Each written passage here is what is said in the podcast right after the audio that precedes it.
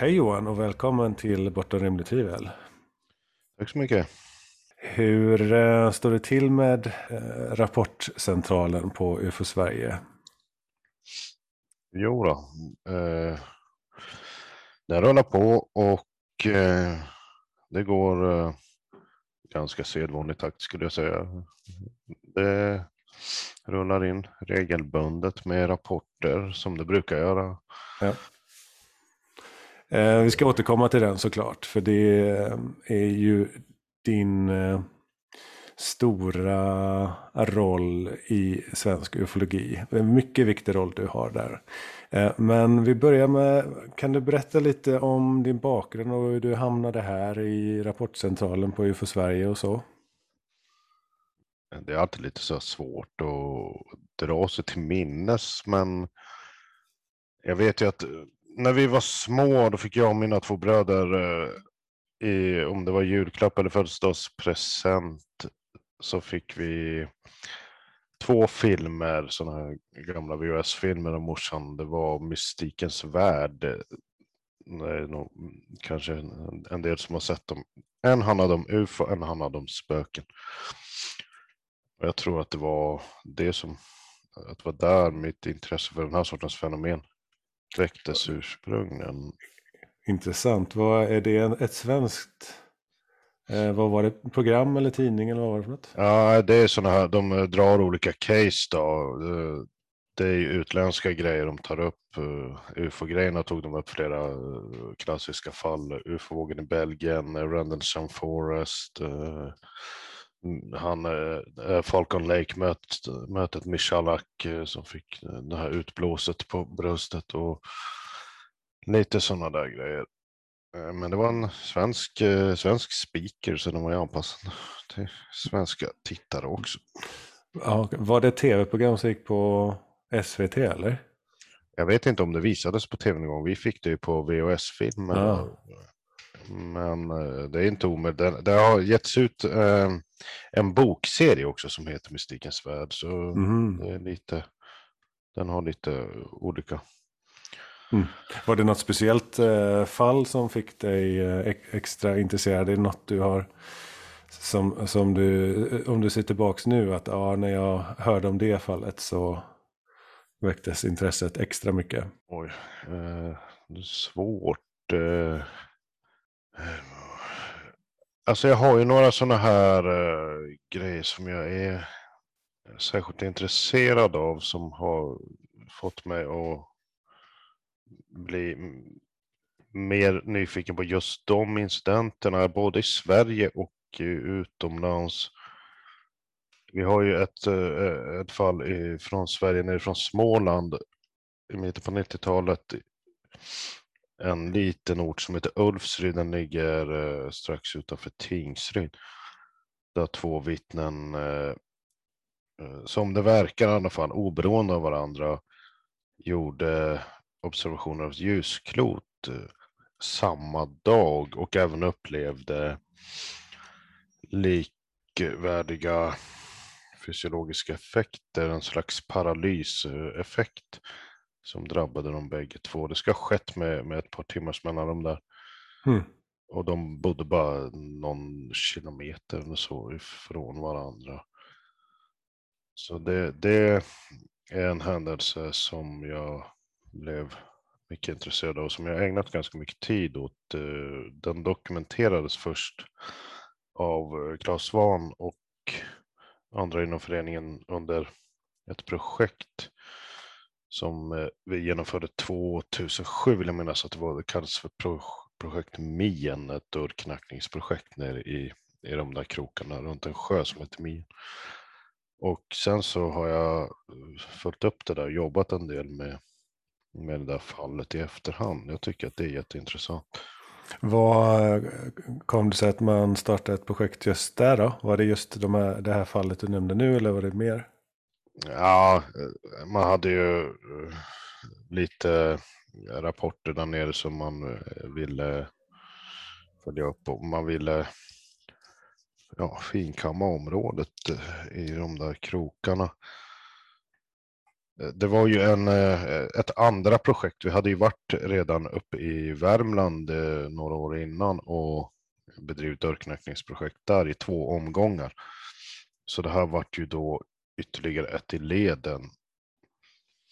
Eh, och sen har vi gjort andra sådana projekt på andra håll också. Så att, ja, det är varit... det mycket rapporter då? Det, att det kommer många rapporter under en viss begränsad tid som gör, har gjort att ni har eh, startat de olika dörrknackningsprojekten?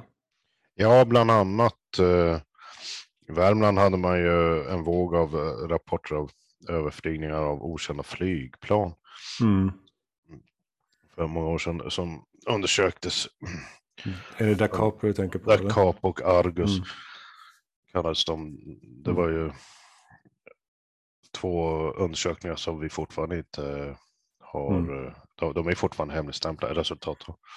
Men det var ju även det var ju saker som påminner om flygplan, men det var ju väl även klockrena ufo-observationer också? Ja, ja, det finns ju flera uh, sådana rapporter också ifrån Värmland. Mm.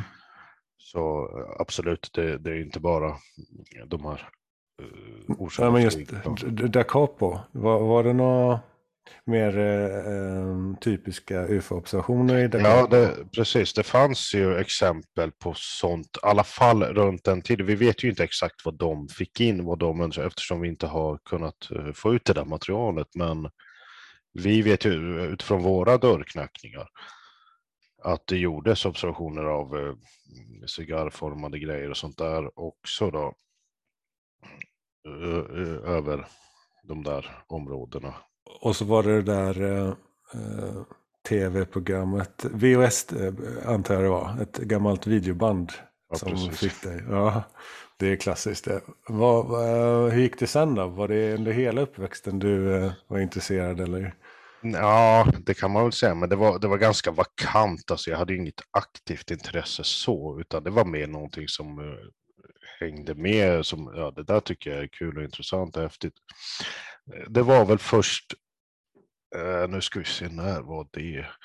Det måste ha varit runt 2008 tror jag som de körde Arkiv X på TV4 igen. De sände den på nytt. När den gick på tv på 90-talet, då var jag så pass liten så jag fick nästan aldrig sitta upp och titta på det. Min äldre bror fick göra det, då vart jag ju lite purken över, men jag och min, min tvillingbror, vi fick inte göra det, för vi var tvungna att gå och lägga oss. Ja. Så när de körde den på fyran på nytt, de började om den eh, 2008, då satt jag upp och tittade på den. Då var det ingen förälder som sa till dig att gå och lägga dig? Nej, då var jag lite äldre. Då, då var jag 21, 2, någon, ja. 21 var jag. Och det var i och med det som jag verkligen kände att de här grejerna vill jag faktiskt ägna mig åt själv också. Mm. Det, var... ja, jag kan, det skiljer det sig för mig. För jag var väl tillräckligt gammal för att vara i precis rätt ålder när Arkivex gick. Och jag tittade och tyckte det var skitbra. Alla tittade på det. Hela, I alla fall alla killar i min klass tittade ju på Arkivex på TV4. Det, eh, det var ju så på den tiden. Alla såg samma tv-program för det fanns inte mycket att välja på. Nej. Eh, men eh, nu, det gick inte upp för mig då att det fanns någon verklighetsbaserad avsnitt alls i Arkivex. Det trodde inte jag då. Det var inget man lärde sig om. Men eh, jag undrar om man skulle se, se det om den är idag. Den kanske inte håller måttet eh, riktigt längre. Eller jag vet inte. Men de flesta avsnitten är inspirerade från typiska ufo-historien eh, eller olika paranormala rapporter va? Mm. Ja, det finns ju en hel del eh, episoder. Eh, Claes Svahn har ju skrivit ett kapitel om det där i en av sina böcker, verklighetens arkivex verkligheten bakom någonting sånt heter det. Och det är ju det är både enskilda episoder och ja, övergående koncept i serien som bygger på verkliga beskrivningar. Det finns ju ett, ett genomgående MIB-koncept som genomsyrar hela serien. Mm. Bland annat. Och då, de har ju fått uppenbart uh, idématerial från alla de här konspirationsteorierna och så som finns och Majestic 12 och allt det där.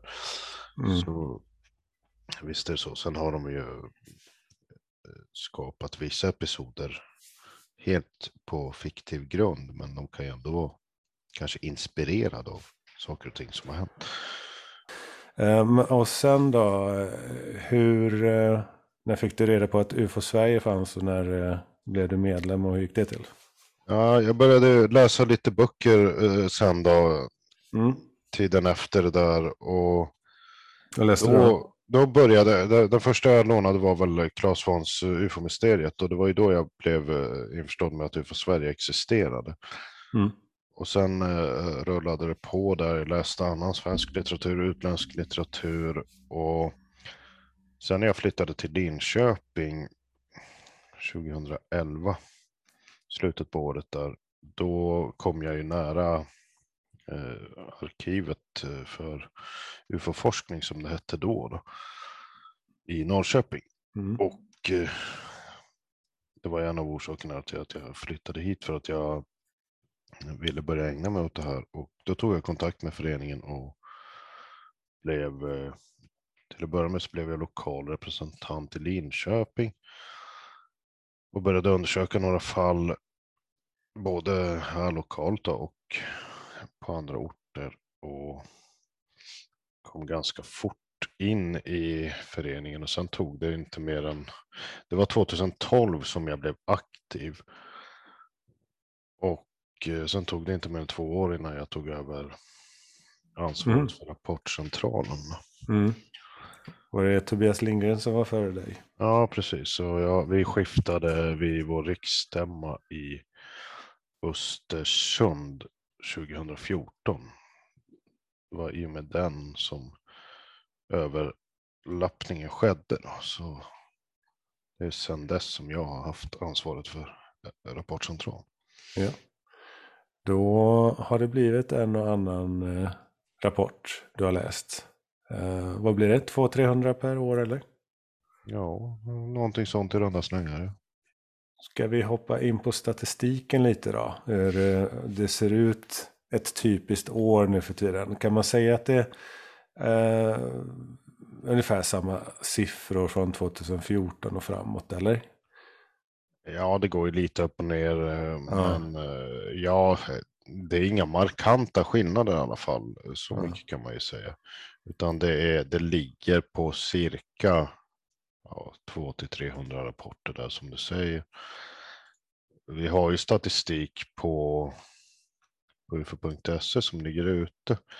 Om man Mm. tittar där så ser man att eh, visst det diffar en aning upp och ner men eh, 2014 då hade vi 164 in, eh, registrerade inkomna rapporter, så det är lite under medel. Då. Och eh, 2021 så hade vi 282 inkomna Mm. rapporter. Så det är viss skillnad där, va? men Det- det, det var brukar väl något år här som var över, eller två, var det 299 eller något sånt där? Kring 300-gränsen Mm. var det väl, va? 2020 hade vi 299 rapporter. Ja, just det.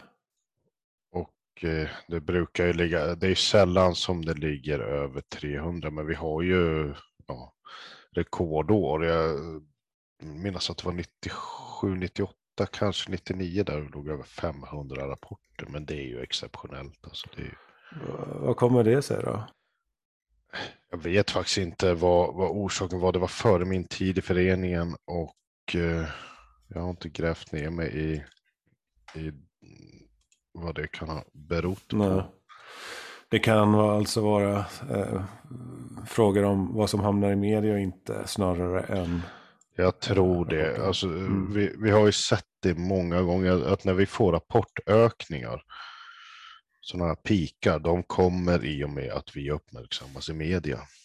Går det att säga något hur benägna folk är över tid i Sverige att eh, rapportera någonting när de har sett eh, någonting som, eh, om man säger så, eh, borde rapporteras som ett UFO? Alltså hur, hur stor är anmälningsbenägenheten och kan man säga någonting om den och, och skifta den över tid? Ja, eh, jag skulle säga som så att tyvärr så ser vi att den är ganska så låg. Va? det är ju så att när vi har gjort de här dörrknackningsprojekten eh, så ser ju vi att uh, ungefär var tionde person som vi tillfrågar har ju någonting att berätta om. Nu frågar ju vi berätt när vi knackar dörr. Va? Det gör ju att vi även får in andra saker. Vi får inte bara in eh, ufo-rapporter utan vi kan få in paranormala upplevelser och, kryptozoologiska grejer har vi fått in också när vi har varit ute och knackat, alltså när folk har sett sådana eh, egendomliga eh, djur. Typ, ja, Bigfoot, Nessie, sånt vi, när vi får in rapporter om eh, mer påtagliga observationer nu för tiden, när folk har sett exempelvis en diskus eller en triangel eller en cigarr på ganska nära håll som de har upplevt det, då är det inte sällan som den rapporten ligger eh, årtionden bakåt i tiden. Det är en retroaktiv rapport som de har gått och väntat med under många år. Och Eh, om de här siffrorna då stämmer över hela landet med ungefär var tionde person, då, då skulle det indikera att eh, en miljon svenskar har gjort eh, iakttagelser. Det kan ju vara mer än så till och med. Men om vi gör ett löst antagande där. Och vad har vi då? Ja, vi har väl kanske på sin höjd 30 000 rapporter i vårt arkiv i, på AFU, i AFUs databas, AFU är ju vårt arkiv då i Norrköping. Archives for the Unexplained heter det idag. Mm. Tidigare arkiv för forskning. Där finns det knappt 20 000 registrerade poster. Mm. Och utöver det så har vi sen fyllt på med ja, upp till någonstans över 25 000 tror jag vi landar i alla fall. Mm. Och är... när ifrån vilken, vilket år är det räknat? Oj, eh, den, den, tidigaste rapporten som vi har i arkivets databas tror jag är från 1600-talet. Så det är ju inte en rapport okay. vi har fått in utan det är ju någonting Nej. vi har lagt till ur folkloristiskt ja. material. Okej, okay, men när, när, när, börjar man eh, med rapportcentralen eller alltså att kunna ringa för att göra en rapport? Eh, när började den verksamheten? Ja, det började ju 1970 när vi startade föreningen. Men om man ser till rapporter dokumenterade av oss då, det, det går ju från typ 30-talet och framåt eh, där vi har själva fått in en rapport, ett ifyllt formulär eller gjort en intervju eller så. Då. Framåt. Är det någon som har kikat på eh, hur det har skiftat över tid eh, under 1900-talet? Nej, men veterligen så har man inte gjort några undersökningar av just de detaljerna. Man har tittat på annat. Va? Eh, rapporttätheten eh, inom vissa områden och sånt där. Va? Fördelningen. Men eh, skiftet över tid känner inte jag till att någon har studerat eller kikat mm. på. Kan man säga då, hur skulle du dela in dem Eh, för att förklara för någon som aldrig har eh, eh, intresserat sig för statistiken om ufon i Sverige. Hur, hur skulle du förklara hur det ser ut med vad, olika kategorier? Ja, det, det, finns ju ett par olika, då, vi har ju olika kategorier som vi använder oss av efter våra, efter utfört arbete då, som vi sorterar in under. Men för en totalt novis person Eh, då skulle jag nog hellre börja med den klassiska eh, fördelningen eh, som har använts under många år som Heineck, J. Allen Heineck, amerikansk astronomiprofessor och framstående ufolog på sin tid, stiftade i sin bok The UFO Experience på 70-talet. Där delade han ju in iakttagelserna utifrån deras respektive eh, omständigheter med ja, när man ser ett eh, objekt i mörker, eh, sådana typiskt ljusfenomen, ljusprick, nocturnal lights kallar han ju dem för, kort och gott bara. Så att det, det är en sorts rapport så har man det här när man ser mer avlägsna grejer på på himlen i dagsljus då kallas för daylight discs. En lite godtycklig Eh, begränsning där kan jag tycka i och med att man kallar det för daylight disk. Eh, det behöver faktiskt inte vara, vara diskusformen för att det ska falla inom den kategorin utan det kan se ut lite hur som helst. Men eh, sen har man ju då de här närobservationerna därefter som eh, går under beteckningen närkontakt av första, andra och tredje graden. Och första graden avser då en, en, observation av ett tydligt formbeskrivet föremål på uppskattningsvis inte gärna mer än maxet på 100 meters avstånd. Det ska ju vara någonting som är gott att urskilja då en tre, tredimensionell form på. Det ska inte handla om något punktformat eller sådär. Mm. Sen har man ju då andra graden som eh, avser då en iakttagelse eh, av samma slag ungefär, men där det förekommer eh, antingen någon form av spår på backen eller kanske en interaktion med, med observatören själv eller påverkan på ett fordon, elektroniken, bilen eller dylikt. Och sådana saker. Va? Där, det, där det sker någon, som det verkar, eh, en påverkan på, på observatör eller omgivning, miljö. Mm. Sen har vi då eh, tredje graden och den avser då en iakttagelse av det här slaget fast man också har sett varelser. Då. Till synes besättningsmän. Mm. Det är väl så, den, jag tror att den definition, den, den kategoriseringen, den är nog den enklaste för en utomstående novisperson att förstå och ta in. Mm. Sen finns det ju som sagt andra kategoriseringar, men om man ska förklara på ett begripligt sätt så tror jag att det blir lättast att börja med.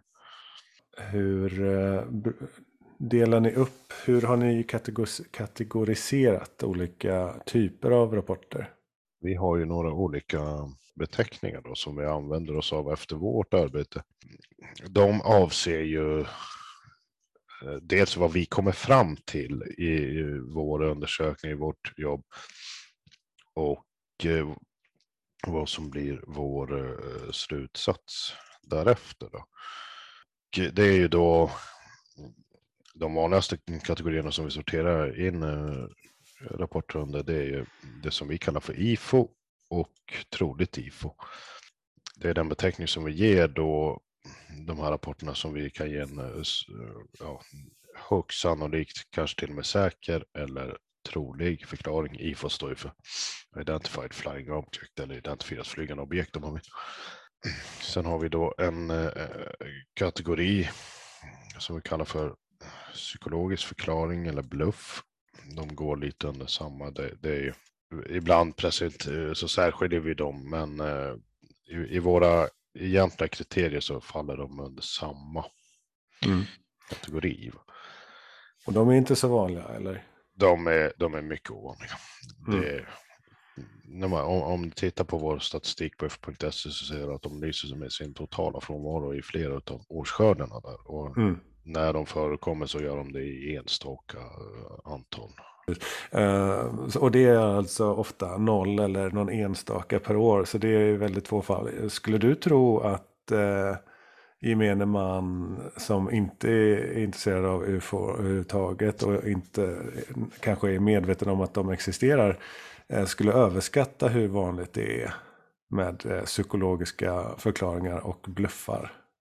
Absolut. Det, ja. det tror jag är väldigt vanligt att folk eh, på, får man säga, ganska förutfattad grund tror att det rör sig om eh, ja, antingen eh, psykiskt eh, instabila personer eller folk eh, som är påverkade av droger, alkohol och annat eller folk som då hittar på historier. Men mm. det, det, vet vi, det, det, det är struntprat. Det är så himla sällsynt. Ja. Var kommer det ifrån egentligen? Alltså det kan man ju undra. Kanske man aldrig kan komma fram till. Men har du någon aning om vad, vad det är som har fått få folk att tro? Det är ju bara eh, konstiga människor som ser eh, ufon, som rapporterar ufon. Eh, det måste ha kommit någonstans ifrån, eller? Är det bara en vandringssägen? Ja, tyvärr så tror jag att eh, den stereotypbilden, eh, den är nog till stor del utbredd på grund av eh, förutfattade åsikter.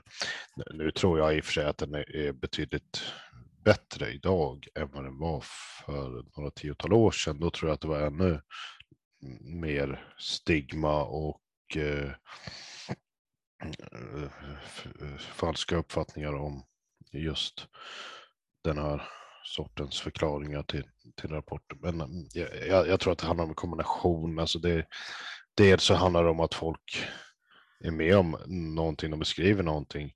Om vi säger de här genuint märkliga rapporterna. Då, som, mm. då, då, beskriver folk någonting som många har svårt att tro att det existerar för att det trotsar mycket av det vi anser vara möjligt.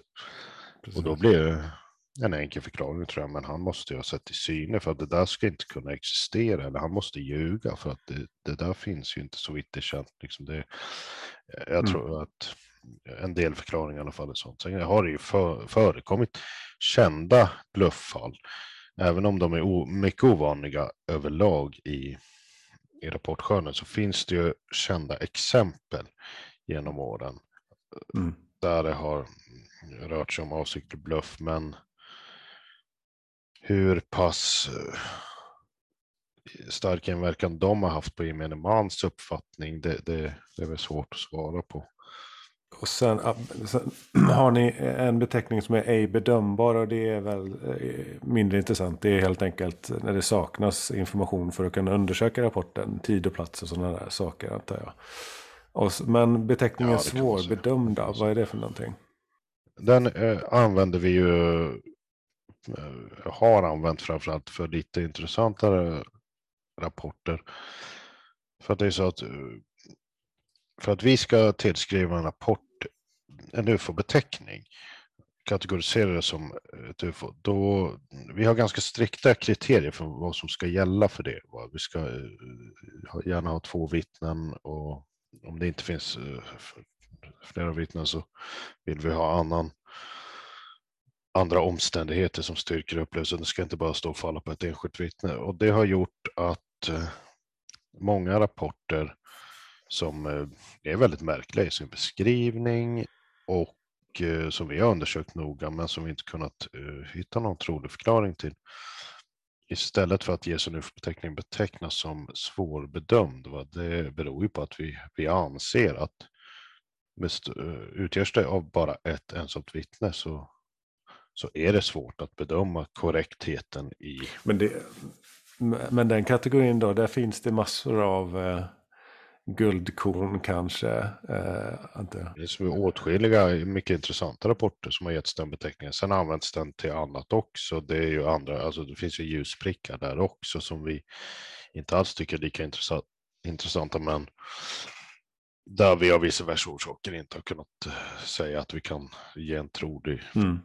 Förklaring till det de har sett och då då kan den hamna där. Och så kan det, det, det, kan vara rapporter som står och faller liksom mellan Ja, här ser man en, en, potentiell förklaring, men det finns tveksamheter, det finns osäkerheter, så vi, vi vill inte lägga den till handlingarna.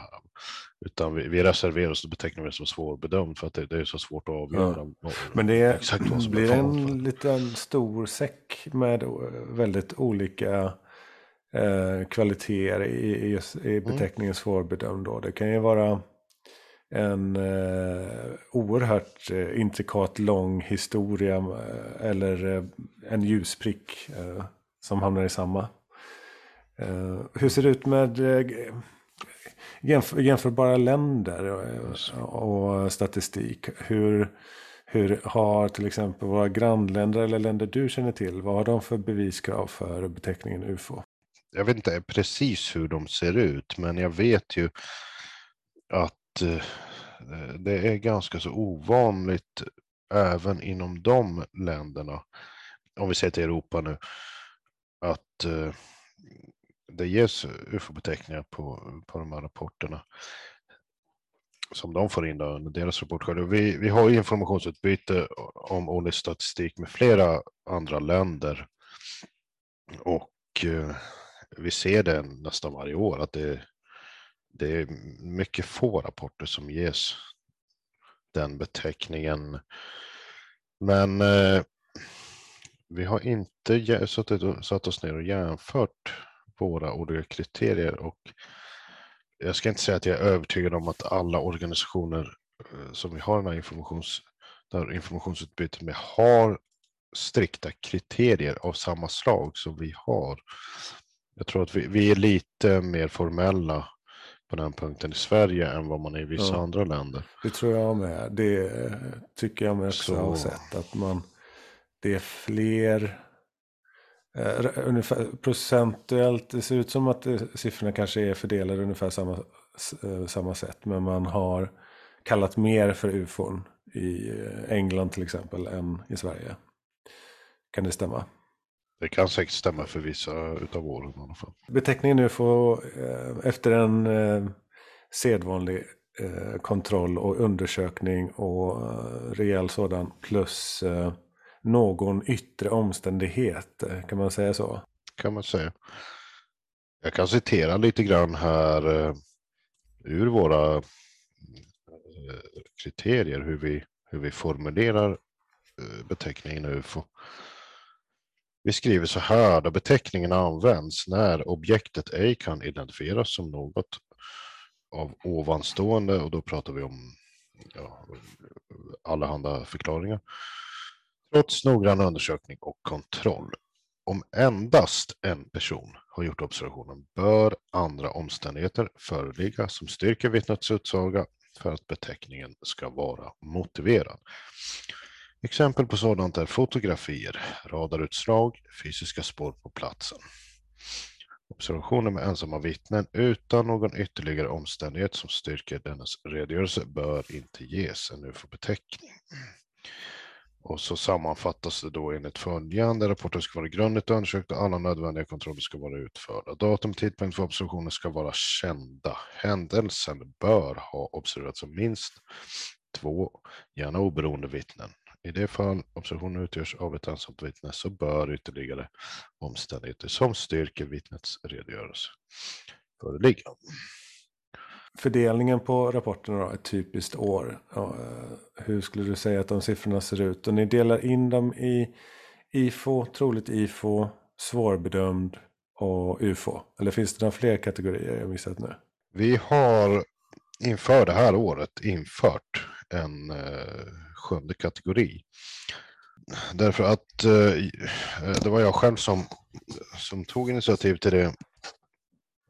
För jag började själv känna att eh, beteckningen svårbedömd, den är väldigt bra att ha, men den, den ger inte riktigt rättvisa åt vissa av de här rapporterna som verkligen mm. beskriver Tefat på nära håll. Och riktigt svårbegripliga, ja, bland annat.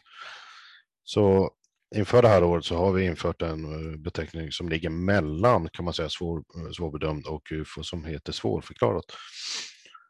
Och eh, den är ju då avsedd för att kanske mer sålla ut de här i sin beskrivning väldigt påtagliga och märkliga rapporterna ur svårbedömdskategorin och ge dem en egen kategori istället. Även om de i praktiken är svårbedömda så vill vi kategorisera dem efter någonting annat och särskilja dem så att de, de är lätta att, att sortera ut. Va? Så fortsättningsvis så kommer vi att använda den beteckningen på, på de rapporter som Exempelvis då på grund av att de består av ett ensamt vittne. det. det är svårt att utläsa på namnet det... på de här orden. Det är mycket som döljer sig bakom uh, ordet svårbedömd och uh, vad sa du, svårförklarat. Ja, just det. Svårförklarat, ja. Det är ju det finns ju beskrivande texter till dem som man kanske måste ja. ta del av för att förstå. Precis. För märklighetsfaktorn, eh, den kan ju vara hur hög som helst på någon av dem då. Och vill du förklara vad märklighetsfaktorn, eh, vad det är för någonting? Ja, den kan ju eh, skilja sig markant. Man kan väl säga som så, märklighetsfaktorn, eh, som jag skulle vilja beskriva den, den handlar ju om hur många avvikande drag som förekommer i en rapport och även hur påtaglig iakttagelsen är, hur, hur nära det här har uppfattats. Hur mycket Arkivex det är. Ja, det kan man om, om man vill jämföra. Ja, men om man tar liksom ett exempel, det, om man har en, eh, även om man har två rapporter av formbeskrivna föremål, om man har en eh, iakttagelse av ett avlångt cigarrformat föremål som korsar himlen över observatören i mörker och gör det i ganska ordinär takt, likt ett flygplan som korsar himlen på 10 000 meter, ser det under flera minuter och sen försvinner det med av, avståndet.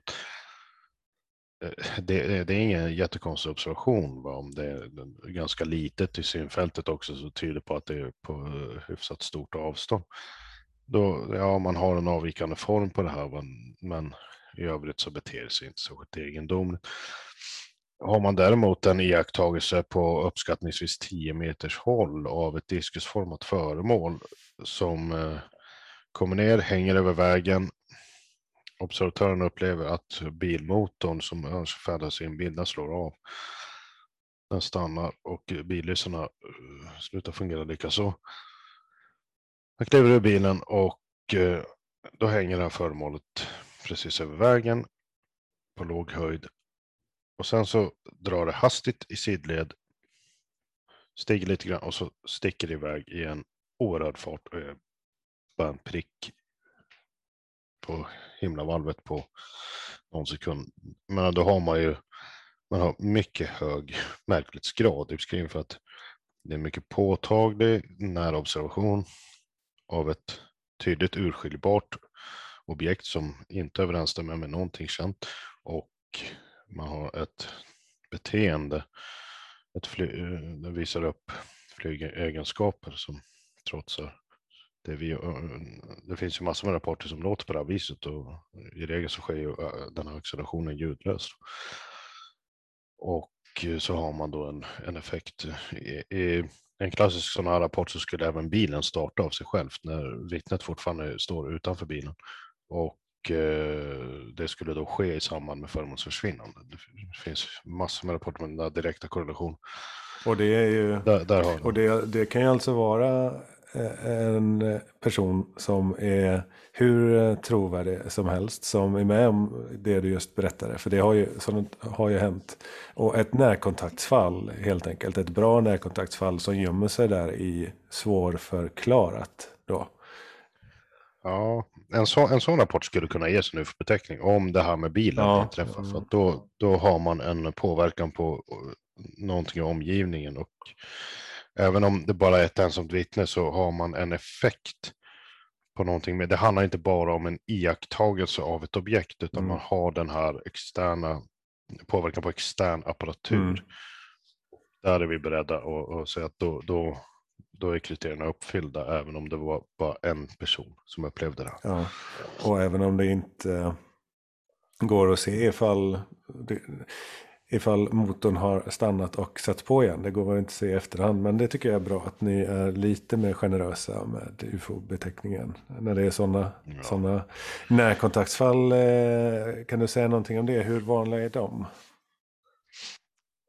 Ja, de, de är inte jättevanliga men de är inte jätteovanliga heller. Det, det kommer ju in ett antal per år i alla fall. Mm. Kanske ett par, tre, fyra, fem, ja, säg mellan från två, tre stycken upp till ett halvt dussin. Ja. Halvt dussin? Och, mm. Ja, det kan nog komma in fem, sex stycken ett bra mm. år. Det, det, skulle jag säga. Mm. Och, och, hur brukar det sluta då? Hur många av dem brukar få ufo-beteckning i slutändan? Det kan handla om, eh, ja, allt från något, något enstaka till kanske ett par, tre, fyra stycken, någonting sånt. Det, mm. det varierar. Mm. Det är ju vad utredningen visar på.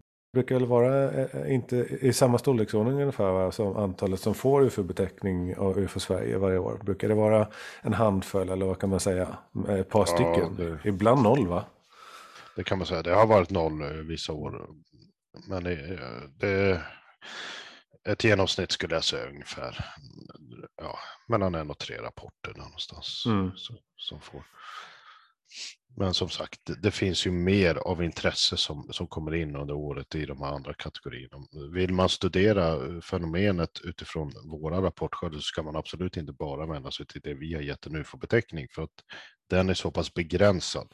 Mm. Så att den, eh, den innehåller inte alla intressanta rapporter helt enkelt. Ja, precis. Men eh, frågan är om man förlorar lite intresse kanske om eh, det är så låga siffror och folk som inte för det, de flesta kanske inte orkar bry sig om mer än eh, Okej, okay, det finns en, jag måste lära mig en kategori som heter svårförklarligt eh, och, och mm. leta i den för att hitta en massa fall.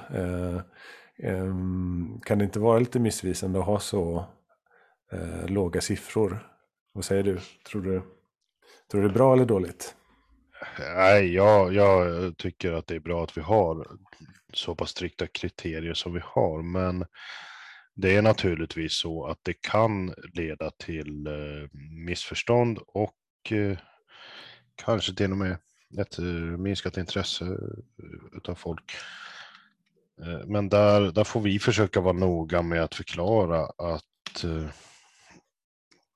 det är mest formaliteter som avgör vad som ges en UFO-beteckning vad som inte gör det och mm. framhäva. Och vi försöker när vi går ut med de här siffrorna, för det gör vi en gång om året eh, till eh, media runt om i landet, då försöker vi lyfta fram olika intressanta fall som vi har fått. Och det det är ju vare sig de har fått en UFO-beteckning eller ej. Mm. Sen märker ju vi att media nappar ju mer på det som har getts en UFO-beteckning än eh, någonting som inte har getts en sån. Ja, det kan det får man förstå. Ja. um, och vad säger du då? Eh, brukar det ligga runt eh, 85-90 procent som, som får eh, kategorin eh, för, för, eh, förklarade rapporter. Alltså, och då är det alltså IFO troligt IFO. Är det någonting mer i, i den kategorin eh, om man delar upp det i förklarade och oförklarade rapporter? Nej, det är i princip de. det är naturligtvis de här psykologisk och bluff skulle ju hamna inom förklaringskategorin. Ja, men, men de som sällsynta så att det, det är inte, de har Precis. ingen betydelse. Och är, är 90 procent är det en eh, bra genomsnittlig ja, siffra? Ja, ungefär. Mm. Jag gjorde ett genomsnitt på de senaste åren, sex åren var det väl här, eh, för inte så länge sedan och jag tror att det landade på 88 procent i snitt. Så okay. 90, ja cirka 90 kan man säga. Ja. Eh, ett typiskt år så har ni 200-300 eller vi. Eh, och så 90 eh, blir förklarade och 10 eh, står som oförklarade. Men det är bara ett fåtal som får, en eller två stycken kanske, som får beteckningen UFO. Men hur många tror du, eh, hur stor andel eller stort antal eh, på ett år tror du är UFO-fenomenet? Det är ju inte en eller två som kanske får beteckningen i slutändan. Men hur många tror du det är som gömmer sig i de andra kategorierna och i totalen mm, så att säga. Mm, ja, jag förstår. Oj, jättesvår fråga. Mm. Det är mer eh, sannolikt än eh, det vi betecknar som för att eh, jag menar, det, våra kriterier för vad som ska ges den beteckningen, det dikterar ju inte fenomenets beteende. Utan det, mm. det kan man inte säga. Uh, ja, jag skulle kanske... Om, om vi har mellan en och tre rapporter som ges en UFO-beteckning så skulle jag kanske dubbla den siffran. Mm. Och säga att det rör sig om fem, sex stycken då, som, mm. som jag skulle kunna tänka mig handlar om iakttagelser där det är observationer, är, det har gjorts iakttagelser av genuint outforskade fenomen helt enkelt. Mm. Som representerar det här, ja, kärnan av rapporter som, Ja. som består av ett sånt. Och de här svårförklarade. eh, Det är i storleksordningen ett par tiotal ungefär, eller?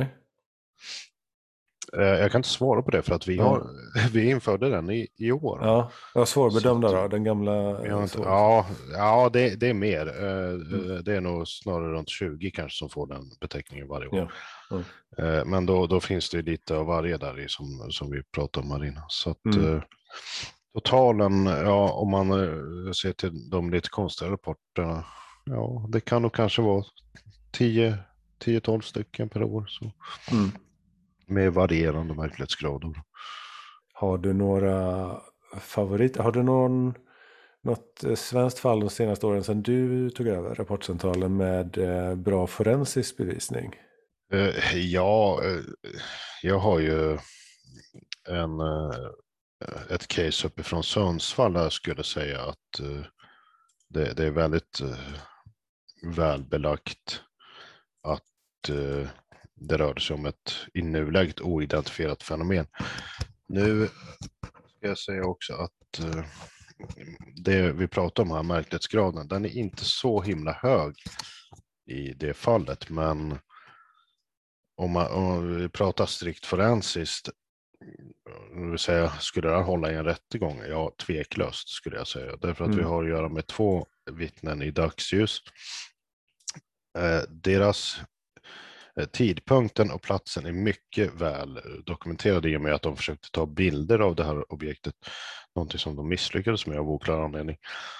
Men det gjorde ju att vi fick annan information. Vi fick ju den exakta tiden i metadatan på de här bilderna. Och eh, vi fick även koordinater till vart de befann sig. Och kunde även genom de här dagsljusbilderna då, eh, se, konstatera genom gatuvyn på Google Earth precis vart de var. För det fanns i referenser med vägskyltar och sånt. Och eh, det de såg var ju då ett eh, ovalt eh, silvergränsande föremål. Lite, ja, eh, det ser ut ungefär som de här tic som de pratar om i USA nu för tiden. Mm. Den gled med, med långsidan då framåt uh, åt uh, sydost över eh, älven. De fanns utanför Matfors, det ligger strax väster om Sundsvall. Och de tappade sedan det här objektet bakom skogen. Och när de fick fri sikt igen så kunde de inte se det. Det här objektet syns på, på radarn. Det har vi kollat mot eh, militära radaranläggningar som, stä- eh, som täcker området och det finns ett, ett så kallat primäreko där som överensstämmer något fullständigt i eh, exakt tid, exakt observationsriktning, exakt färdriktning, plats. Så att det är det som de Mm. ser. Det är samma objekt. Det, det, det är inget som helst tvivel på den punkten. Och eh, det här objektet saknar ju det som kallas för transponder. Eh, det finns ju eh, flygföreskrifter som säger att allt, alla flygtyg på en viss höjd och inom vissa områden måste bära en transponder för att tillkännage sig för flygledning. Det är, en transponder är ju som en sändare som uh, skickar information om höjdposition uh, Mm och eh, även identifikation. Identifierar flygtyget där genom eh, flightnummer och sådana där saker. Eh, Det här objektet saknar transponder och det är trots att det korsar luftrummet till Sundsvalls flygplats. Och den flög längs med en väg i stor utsträckning också. Va? Mm, precis, flög längs med E14 och eh, ut med älven där som eh, går eh, söder om, om vägen och gick igenom, ja, tvärs över Matfors, steg lite grann i höjd och sen eh, försvann bort. Landar sannolikt in, in till någonting som heter Kningstadstjärnen, kanske inte just där, men när man tappar den på radarn i, i det området. Så den, har landat någonstans där i, i trakten i alla fall. Mm. Men hur är, det här paret försökte ju, de såg det, men när de skulle fotografera det så blev det ingenting på bild. Hur är det vanligt? att Det brukar ju vara det, motsatta snarare, men hur är vanligt är det att de människa ser någonting i luften och håller fram telefon eller kameran så, så att liksom det måste finnas i bilden. Men, men sen när man tittar på bilderna så finns det inget. Är det, har du hört om sådana fall annars? Nej, det, det, inte vad jag kan minnas i alla fall. Det, det är lite egendomligt alltså för att det, den där grejen borde synas. Va? Men mm. den syns banne inte för att vi har försökt, korrigerat ljusstyrka och kontrast och sådana saker. Letat efter den här grejen i bild men kan inte hitta någonting som, som skulle vara där. Det är, och det, det, är inga dåliga bilder, alltså man ser väldigt mycket. Va? Man, ser, man ser vägen, man ser skogen, man ser vägskyltar, man ser elledningar. Så att de skulle ha missat föremålet med kameran, det känns totalt osannolikt. Och hon, mm. Eh, passagerarfrun då, som tog bilderna, hon säger till mig under intervjun att hon är fullkomligt övertygad om att hon måste ha fått med på åtminstone två av bilderna, men det syns inte i någon av bilderna. Ja. Trots det så ser vi på raden att det fanns ju där. Det mm. flyger mm. där, det ska ju kunna plåta. Så att jag, jag, jag, den är lite förbryllande den detaljen. Det kan jag inte säga något annat. Ja. Och kan du ge några tips till eh, människor som eh, tänker att de ska rapportera någonting till Rapportcentralen. Vad är det för eh, saker, misstag folk ofta gör och vad kan de kolla upp själva för att se ifall de kan få svaret på egen hand först? Ja, först så är det viktigt då att eh, notera tidpunkten så fort som möjligt. Den kan vara svår i efterhand ifall man inte skriver ner eller tittar på klockan och noterar uh, exakt vad klockan är. Man säger. Så det, det är det första. Mm. Sen så skulle jag rekommendera folk att uh, gå in och titta i ett kartprogram så att du kan reda ut precis vilken riktning du såg det här i. Använd inte en mobilkompass. De är alltför ofta missvisande. Det är många som gör det, tar hem en mobilkompass, men eh, de har visat sig vara dåliga i vissa fall, de där kompasserna som man kan ta mm. hem. De, är, de kan, kan behöva kalibreras och sådär. Så att det, jag skulle hellre säga gå in i ett kartprogram och titta där. Om du vet vart du befann dig och vilket håll du sitter åt så är det jättelätt att utläsa riktningen i, i Google Earth eller i en Iros-karta eller vad som helst.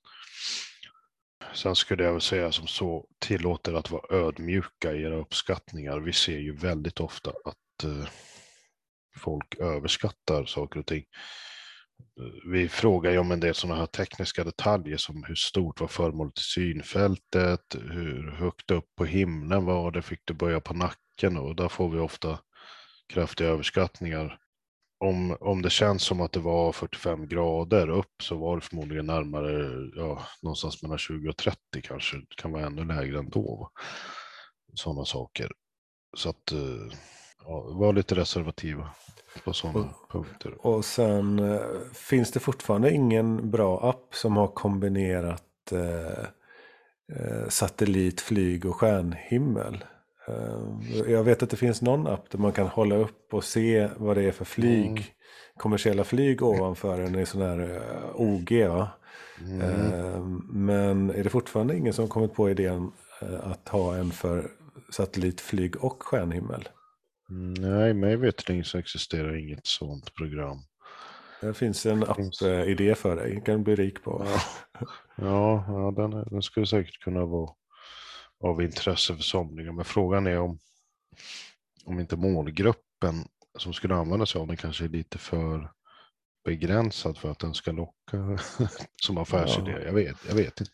Ja, man vet aldrig om det nej, ämnet, nej, ämnet tar fart i media och, och mm, mm. allmänheten inser att eh, flygande tefat är på riktigt. Då kanske de mm. vill ha en app, tänker jag. Mm. Det måste ju bara vara en tidsfråga. Det kan säkert, komma, kan säkert komma något sånt framöver. Det, det... Förklara det här med vad det är som bilder, saker man ser eh, i efterhand. Vad, det, det, som jag förstår det är det ganska vanligt att eh, man upptäcker saker på bilder man har tagit i efterhand. Vad kan det vara för saker? Vad, vad, vad är det för misstag som är vanligt att folk gör? Ja, det, det är ganska stor del av alla rapporter som vi får in nu för tiden som eh, handlar om just sånt. Folk har tagit en bild av någonting, vad som helst, och så upptäcker man då någonting i efterhand när man tittar på bilden. Och eh, det som dyker upp då är ju de rapporterna har nästan en hundraprocentig uppklarning för att det är, det är fåglar, det är insekter, det är små eh, partiklar nära kameran som eh, luft, ja, dammpartiklar, fuktpartiklar. Det är reflexer antingen av en extern ljuskälla, en, ja, solen, månen, gatlampor som eh, ger sådana här lensflares, alltså linserstrålning som det heter på svenska, i kameran och det, när man fotar igenom eh, en fönsterruta så blir det reflexer och annat eh, skräp på rutan och sånt där som kommer med och mm det är även i vissa fall. Det är en ganska lång lista faktiskt, ja, när man slår ihop ja. alla saker. Uh, insekter som flyger närmare kameran uh, och mm. allt vad det kan vara. Och uh, vad heter det? regnpartiklar. Mm. men i UFO Sveriges fältundersökarutbildning så pratade man om orber. Och då var det just det här med små vattenpartiklar nära kameran som bryter ljuset. Eh, mycket. Men orber används ju på ett annat sätt snarare i, i ufologin just nu. Eh, där finns det risk för sammanblandning, eller vad säger du?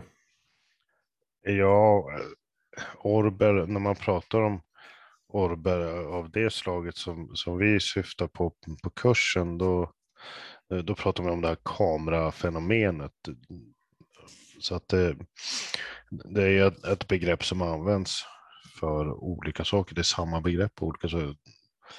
Kamerafenomenet är ju precis det du säger med ja, små partiklar nära kameran, eh, ofokus. Men sen så har man ju då de här rapporterna om ja, flygande orber och sånt. Det, det är något annat. Uh, ja, jag, jag tycker kanske att det, det hade varit bättre om man hade olika Eh, beskrivningar och beteckningar för dem. Är det vanligt med orb, orb-rapporter om eh, flygande klot, eh, metalliska eller ljusklot? Hur, hur vanliga är de typerna av rapporter? De är ganska ovanliga. Jag har lagt ner ganska mycket tid på att studera just sådana rapporter. Det gjorde jag för ett par år sedan eh, när jag eh, valde ut ett antal sådana ur vårt arkiv och och eh, gjorde bredare undersökningar av vad det kunde vara och studerade en hel del omkring just den sortens observationer. Och under mina år på Rapportcentralen så de tillfällen vi har fått in sådana iakttagelser, de är väldigt lätträknade. Så jag skulle säga att det, det är väldigt ovanligt. Kanske kommer in ja, någon sån grej per år, ett par på sin höjd. Va? Men mm. det behöver inte ens vara det. Va? Det kan gå eh, ett helt år utan att det dyker upp några sådana rapporter. Så de är, de är lika ovanliga nästan som de andra delar av ja. Närobservation de är mycket intressanta, många av de här ljusklottsiakttagelserna. Den jag nämnde i Ulfsryd är kanske det mest intressanta i mina ögon som vi har här i ja, Sverige. Ta den igen, var det två personer på skilda håll som upplevde saker? Ja, det var en kvinna, hon var ute och gick först på eftermiddagen. Det var i januari, var det 7 januari? Hon är ute och går, de bor ute på landet här. Det är Vilket år sa du, förlåt? Uh, 95, om jag inte missminner mig något fullständigt. Och uh, de är ute och går, eller hon är ute och går. Och hon är inte så långt ifrån deras uh, hus då, när hon tittar ut över ett gärde, det är en stenmur där vid det här gärdet, då ser hon hur det kommer ett, ett ljusfenomen ut ur skogen. Det är alltså på mycket låg höjd, va? vi snackar kanske någon meter över backen. Mm.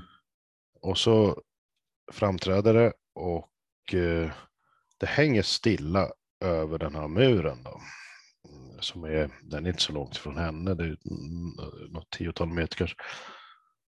Och där breder den ut sig och det blir som någon slags dimliknande fenomen runt om där och så har den då som en ljusstark kärna mitt i.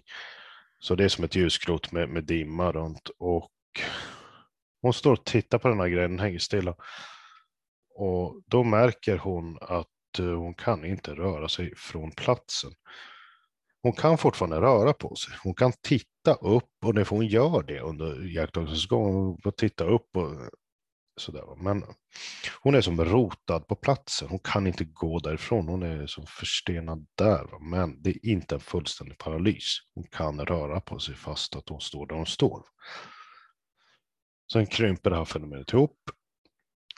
Och så uh, försvinner den tillbaka in i skogen igen. Samma väg som det kom. Och strax därefter så känner hon att den här halvparalysen, om vi kallar den för det, den släpper och hon går tillbaka hem igen.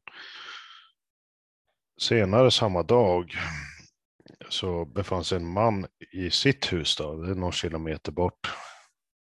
Han sitter inne och tittar på tv och då har det blivit mörkt. Och eh, han ser hur det kommer ett ljussken utanför eh, bostaden. Det är ett enskilt hus mm, omgivet av skog så det, det märks ju om det, om det är någonting utanför. Han tror att det är en bil som har eh, fastnat på vägen, fått problem av något slag, så han ska gå ut och erbjuda sin hjälp. Då. När han kommer ut så ser han att det är ett stort eh, ljusklot, kanske 80 centimeter i diameter någonstans där omkring. Och det hänger stilla över hans eh, eh trädgård där, utanför huset. Och han eh, blir stillastående där, tittar på det här. Och så kan han plocka upp någonting ifrån eh, backen då. Lite snö var det som han skulle försöka kasta på det här. Men då märker han att han kan inte röra sig. Men han står still där och kan inte, kan inte gå därifrån, kan inte röra på, på någonting. Men som det verkar så kunde nog även han kanske röra på huvudet. Va? Lite sådär det, det rörde sig uppenbarligen inte om en fullständig paralys i hans fall heller, för då skulle ju alltså hjärta och lungor, den, den ofrivilliga muskulaturen fortsatte ju att fungera som den ska. Sen går det en liten stund och så försvinner det här klotet rakt upp. Mm. Kort därefter så avtar den här paralysen. Han kan gå in igen. När han kommer in så upptäcker han även att uh, tv, han satt och tittade på tv på tvn är alla kanaler omkastade. Det, det är som att någon har varit, ja, gjort huller om buller med alla hans kanaler. Han måste ställa om allting.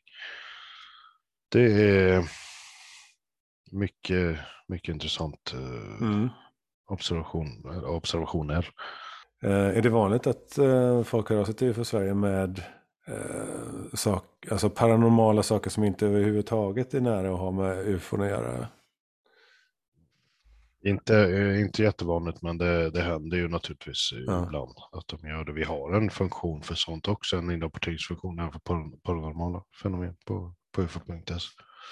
Det är inte så väl känt kanske, eller? Eh, finns det någon annan plats som sådana paranormala händelser eh, hamnar på eller samlas på, tror du?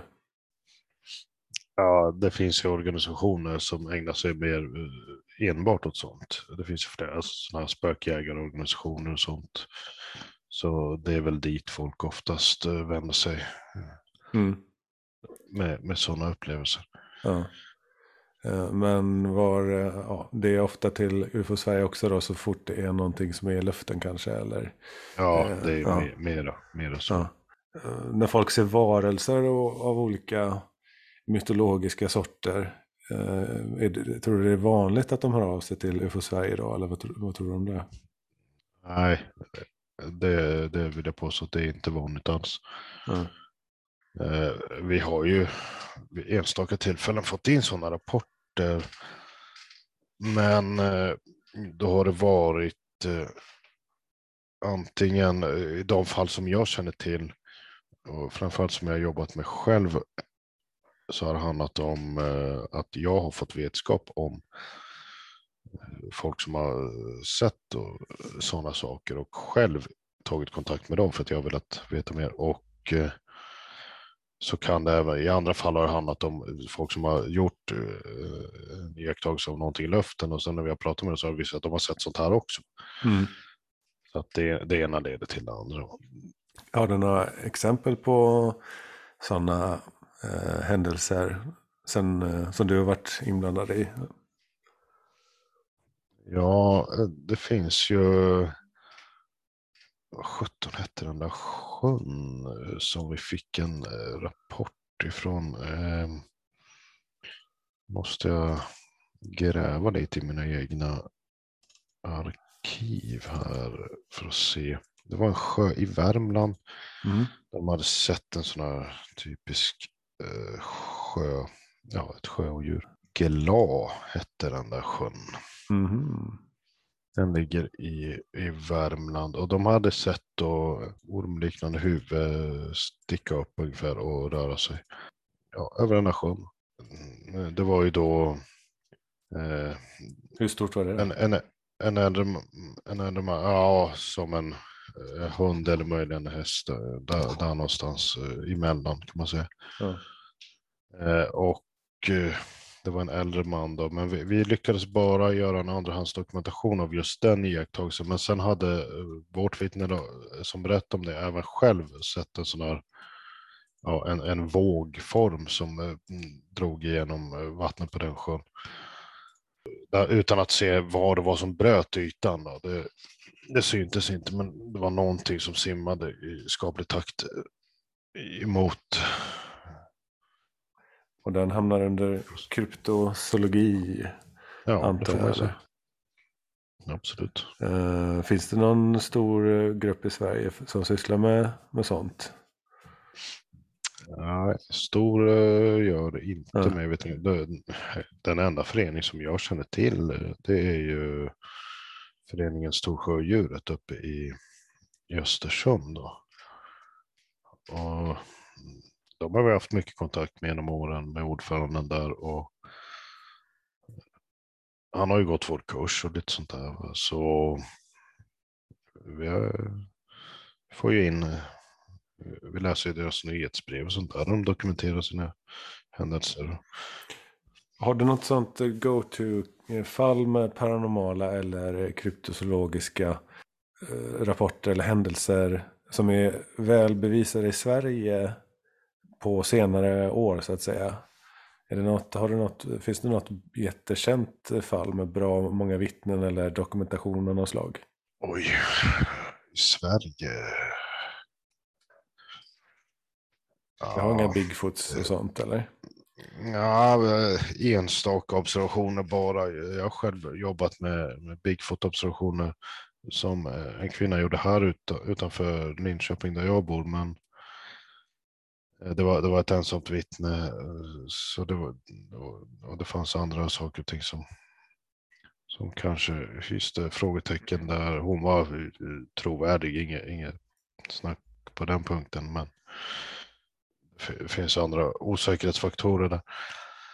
Eh, så att ja, den, den passar väl inte riktigt in. Det finns en observation uppifrån eh, Norrland också av en Bigfoot-liknande figur, men det var på stort avstånd och vi har bara kunnat eh, få redogörelse av ett av fyra vittnen, så vi vet inte riktigt substansen där.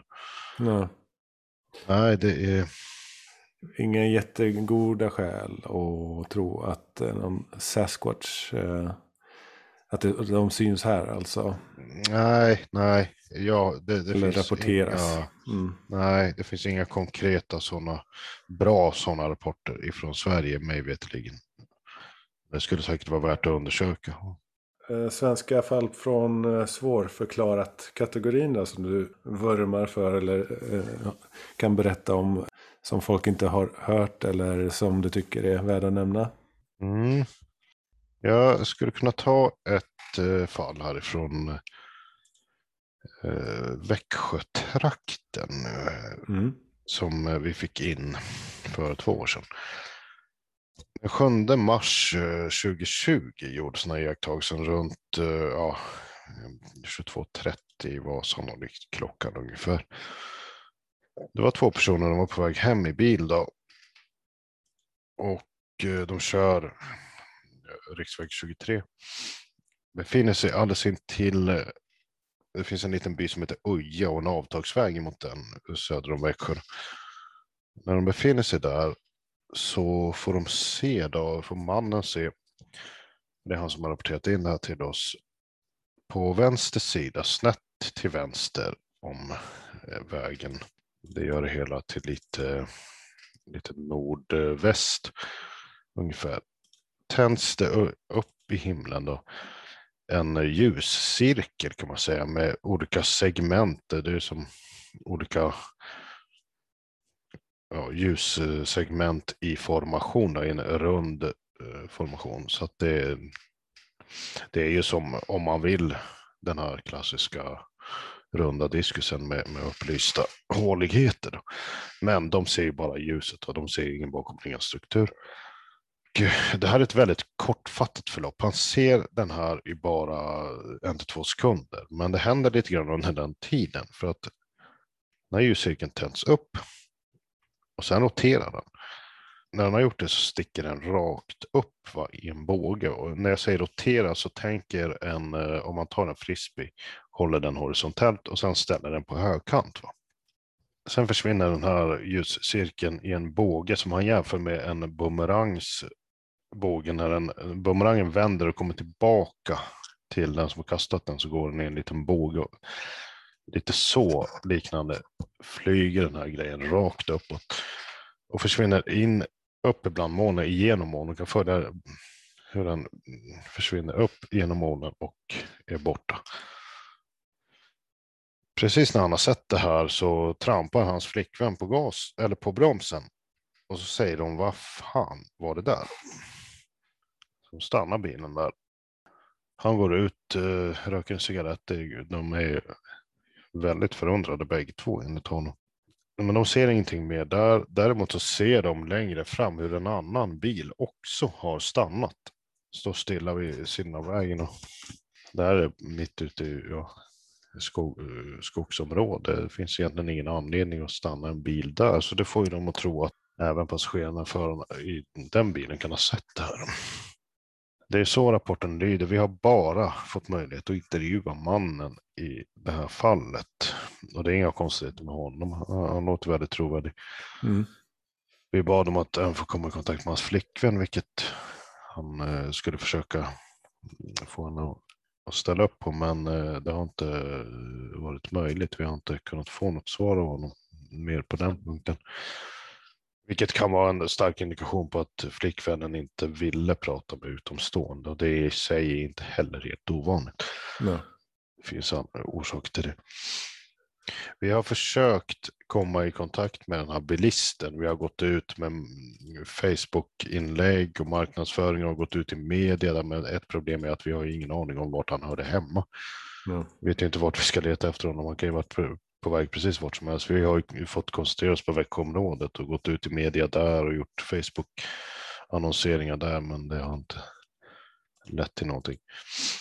Det finns eh, kompletterande material till den här rapporten, för även den har vi undersökt emot Försvarets radar och precis vid den här tiden när de ser det här så är det två sådana här primärekon som jag pratar om igen som saknar den här transponden. De rör sig upp över det här området ner, söderifrån, kommer gå norrut och sen försvinner de Mm. Det gör de klockan eh, 22.43. Försvinner de här objekten. Bägge två försvinner samtidigt trots att de ligger på 1400 meters höjd ungefär då.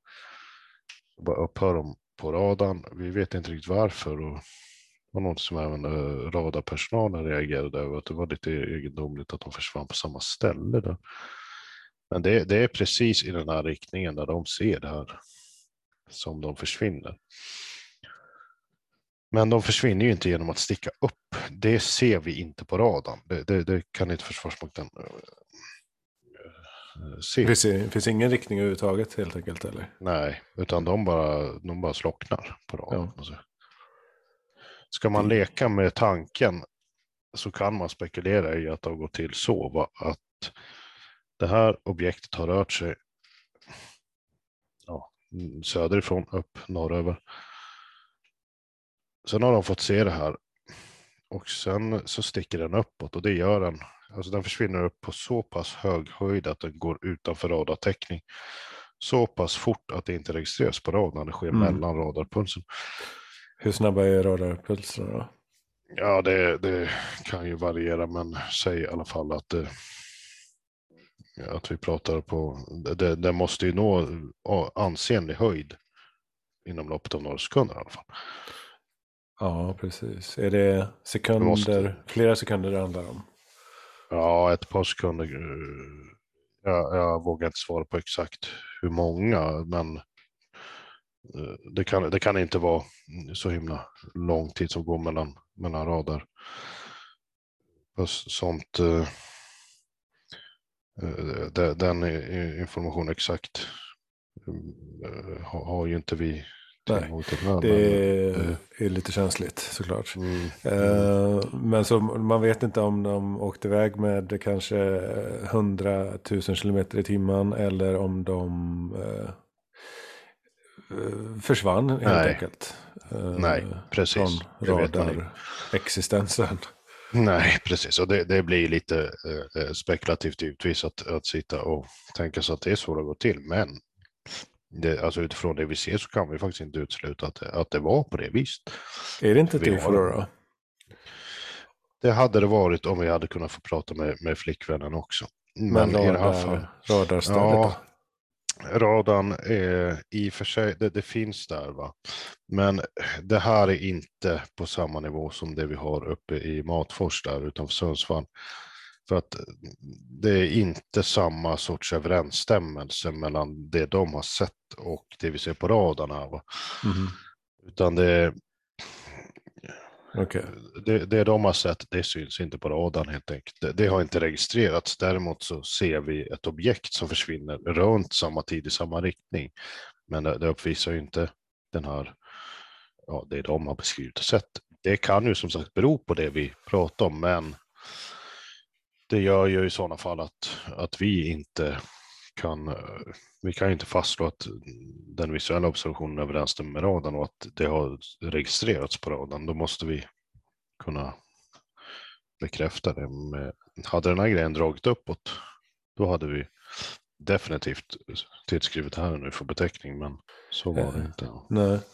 Finns det några andra sådana fall som du eh, skulle plocka upp i samma kategori så att säga som är värda att nämnas som inte får komma till ljuset? Mm. Jag har ju plockat ut några fler här. Mm.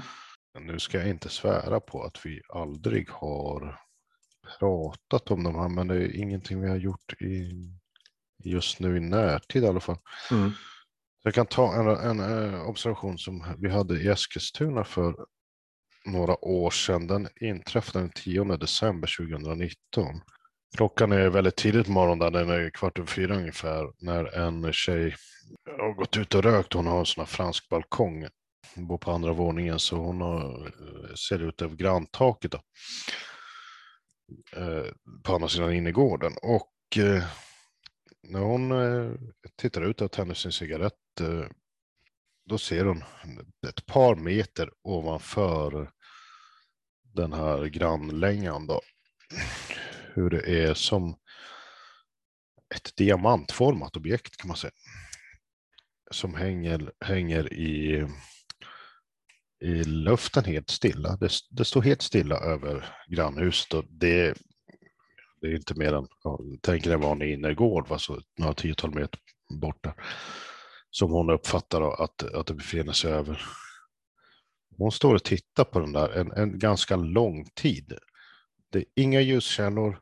Det är helt släta, alltså så här jämn ut. men den bryts ju då av eh, sådana här kanter som ja, en diamant har.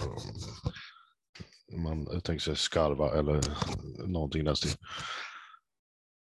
Och den är där kanske en tio minuter uppskattar hon. Och står och tittar på den hänger stilla. Och sen så säger det bara swish. Och då sticker den rakt upp och är borta på, på någonting. Det går jätte, jättefort. Mm. Den är, det är en mycket förbryllande observation. Hur, eh, var det någon ljus eller färg eller någonting inblandat? Nej, den var svart, den var becksvart. Mhm. Beskriver de för oss. Mm. Och inga ljuskällor alls, inget ljud av något slag. Var det liksom sån här eh, vanta svart? Svart, alltså ett totalt... Eh, Ja, ä- alltså det, det kan man säga. Hon, eh, hon är inne på sånt, sådana här begrepp som svartare än svart. Alltså, det. ungefär så. Det, det är det hon beskriver för oss i, i rapporten. eh, Om jag citerar här så. Den var väldigt mörk i färgen men ändå synlig att den var svart fast svartare än svart. Väldigt bred, typ som ett hus. Det kom inga ljus eller ljud utan det svävade ovanför taket skriver hon i rapporten. Där till oss. mm.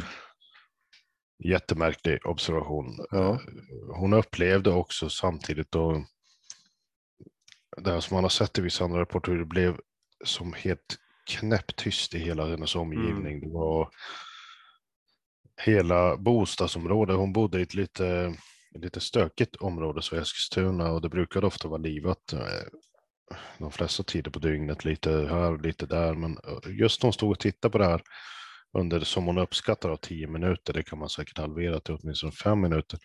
Det är en sån här detalj som ofta Mm. överskattas. Men även fem minuter om man antar det så hon ser inte en människa, hon hör inte en bil, hon hör inte en fågel kvittra, det är ingenting. Mm. Och sen så sticker den här grejen rakt upp då. Ja, men den informationen blir det ju väldigt... Eh, det rimmar ju som du vet såklart. Med, Ja, eh, det det, är är mycket. inte vad som helst som, som får... Eh, det är ingen eh, missidentifikation av en fågel som får de där effekterna. Nej, nej, precis. Och den här observationen har ju vi undersökt eh, också. Vi har kollat mot radarn, det syns ingenting där. Även i det här fallet ser vi primärekon i andra riktningar, så, men det var högst sannolikt eh, fuktekon som orsakade dem. De, de, de har ingenting med, med observationen att göra. Så att vi, vi ser inget på radarn i det här fallet och eh, vi har inte kunnat hitta heller några andra vittnen. Vi har gått ut även här och sökt efter flera eftersom eh, hon bor ju hyfsat centralt inne i stan. Mm. Det, Vilken tid på dygnet sa du att det var? kvart över fyra på morgonen. Hon hade lite svårt att sova. Va? Så hon eh, var lite nattuggla och eh, hon vaknade och skulle eh, gå och lägga sig men gick ut och tog en cigarett in. Så är hon då mm, med om det här. Och det finns ju ett eh, begrepp, eh, den brittiska ufologen Jenny Randall så har myntat ett begrepp som kallas, för- kallar för oss-faktorn. Just det. Och det, det har ju den här effekten, den här tysthetseffekten, den här vakuumeffekten, det har ju påminnelse, eh, Mm. likheter med det. Va? Så det där är en mycket intressant iakttagelse. Sen ska man ju komma ihåg att som sagt, det är ju kvart över fyra på morgonen. Det är ju inte en tid på dygnet när det händer så mycket, men visst, hon bodde i ett sådant område, men det, Det, det var kan även ju... liksom omgivningen och naturen så att säga som Mm. blev tyst eller? Mm. Nej, hon hade ju ingenting och inga bilar, ingenting. Mm. Så att, ja, det, det är ju en intressant omständighet, absolut. Ja, verkligen. Det rimmar ju. Vi påminner väldigt mycket om den här rapporten från, var det Varberg i tidigare år va? Ehm, nej, jag tror att du tänker på Onsala. Onsala var det ja, just det. Det var också, Just kan, kan du berätta om den? För den, är, den har ju väldigt många roliga Mm, eh, sådana här faktorer. Det är ju mannen då, han, eh, han och frun, de bor ju där i ett litet hus och eh, de ska gå och lägga sig. Det är sent, eh, vi är 23 timmar på kvällen och då får bara mannen för sig att jag, jag ska gå ut. Ska ut och titta på någonting. Han får för sig att han ska se någonting på himlen helt enkelt. Det, det, är, inte, det är inte annorlunda än så. Så går han ut, får se ett ljussken eh, komma på håll. Då. Han står där bara i morgonrocken. Alltså de, de ska gå och knyta sig sen. Och det här ljusskenet, först tror han att det är en meteor, då, men eh, så kommer det närmare och rör sig mot deras hus. Då, och då ser han att det inte alls är en, en meteor utan det är en, eh, bumerangformad grej kan man säga. Nästan som en deltaving eh, lite grann så. Som kommer och glider över deras hus i långsamt takt. Lite vitaktiga ljuskällor och så. Och, och spetsen bakåt va? Precis, spetsen är bakåt. Det, det är ju det lite ovanliga i sammanhanget. Mm. Att den, är, den går åt fel håll så att säga. Det är som att den backar över honom. Och så står han där eh, 30 sekunder och ropar på frun. Du måste komma ut och titta. Men då har ju föremålet redan försvunnit. Det har ju flugit över honom. Han, han ser det inte längre. Och så Mm. kommer frun ut. Men då kommer det en till. Mm. Den ser de bägge två. Han ser ju den bättre. Han beskriver, berättar för mig när jag pratar med honom. Att eh, han kände liksom att den var han inte mer beredd på. Va? Det, det hade redan kommit en. Den kom, då, då var det ju eh, oväntat. Liksom. Oj, oj, där kom den. Liksom. Åh jävlar. Sen kommer en till. Då, då var det lite mer att han, han, han ansåg sig kunna göra lite bättre iakttagelser av den. Då, och den såg ju frun också. Mm. Det är, det är mycket intressant. Ja, precis. Och hur var det han, eller de beskrev eh, ljusen och det var någon struktur också, eller? Mm, det fanns som, man kanske ska säga som balkar nästan. Bara. Mm. ut med undersidan på den här grejen. Och emellan de här balkarna, om man tänker sig som ställningar, liksom ut med ytan på den här, för den ja, han beskriver den ju som en eh, bumerang i formen, men den är, den är tjockare än en vanlig sån här bumerang som man kastar. Va? Så att Mm. man får tänka sig lite mer volym på den. Och då fick det ju plats, eh, då får man in lite mer. Så då har man, eh, han har gjort en skiss till så han har gjort fler skisser. Där ritar han då som balkar längs med ytan, ljuskällor i, ja, i bak då, i och med att de sitter vid den här spetsen. Och emellan de här eh, balkarna upplever man att det är någon slags eh, halvtransparent. Det, det är som att titta nästan genom ett frostat glas eller dylikt. Mm. Och de är helt identiska de här två objekten. De går i exakt samma bana. Den, den ena går lite bredvid den andra. Där. Den ena går väl ungefär över deras eh, garagebyggnad medan den andra kanske går rakt över bostads, bostadshuset. Så det, Ja. Mm. De är väldigt lika varandra i Och, och, så, och, det, och, och det, det är inte bara ufo-observationen då, utan det är här att han, som jag förstår det, hör som en stark inre röst när han är inomhus där. Är det det han... eh, Det är ingen Ja, han yttre röst, han, eller har hur? inte, han har inte själv beskrivit det som en röst, Nej. men det är väl mer en känsla Ja, att han, han får att han, jag ska gå ut Ja, och se ett ufo. ja, eller ser någonting på himlen i alla fall. Det, Ja, Så att det, det finns ett sånt inslag va, med, ja. Hur var det han beskrev det? Eh, Att jag, eh, jag kommer få se något. Jag ska gå ut och Ja. vi, vi kommer få se något. Ja. ja, jag, jag måste gå ut och titta det, ja, på himlen helt enkelt. Är, det, Han är, fick en det, ingivelse. är det os-faktorn redan då när han kommer ut? Vet du det?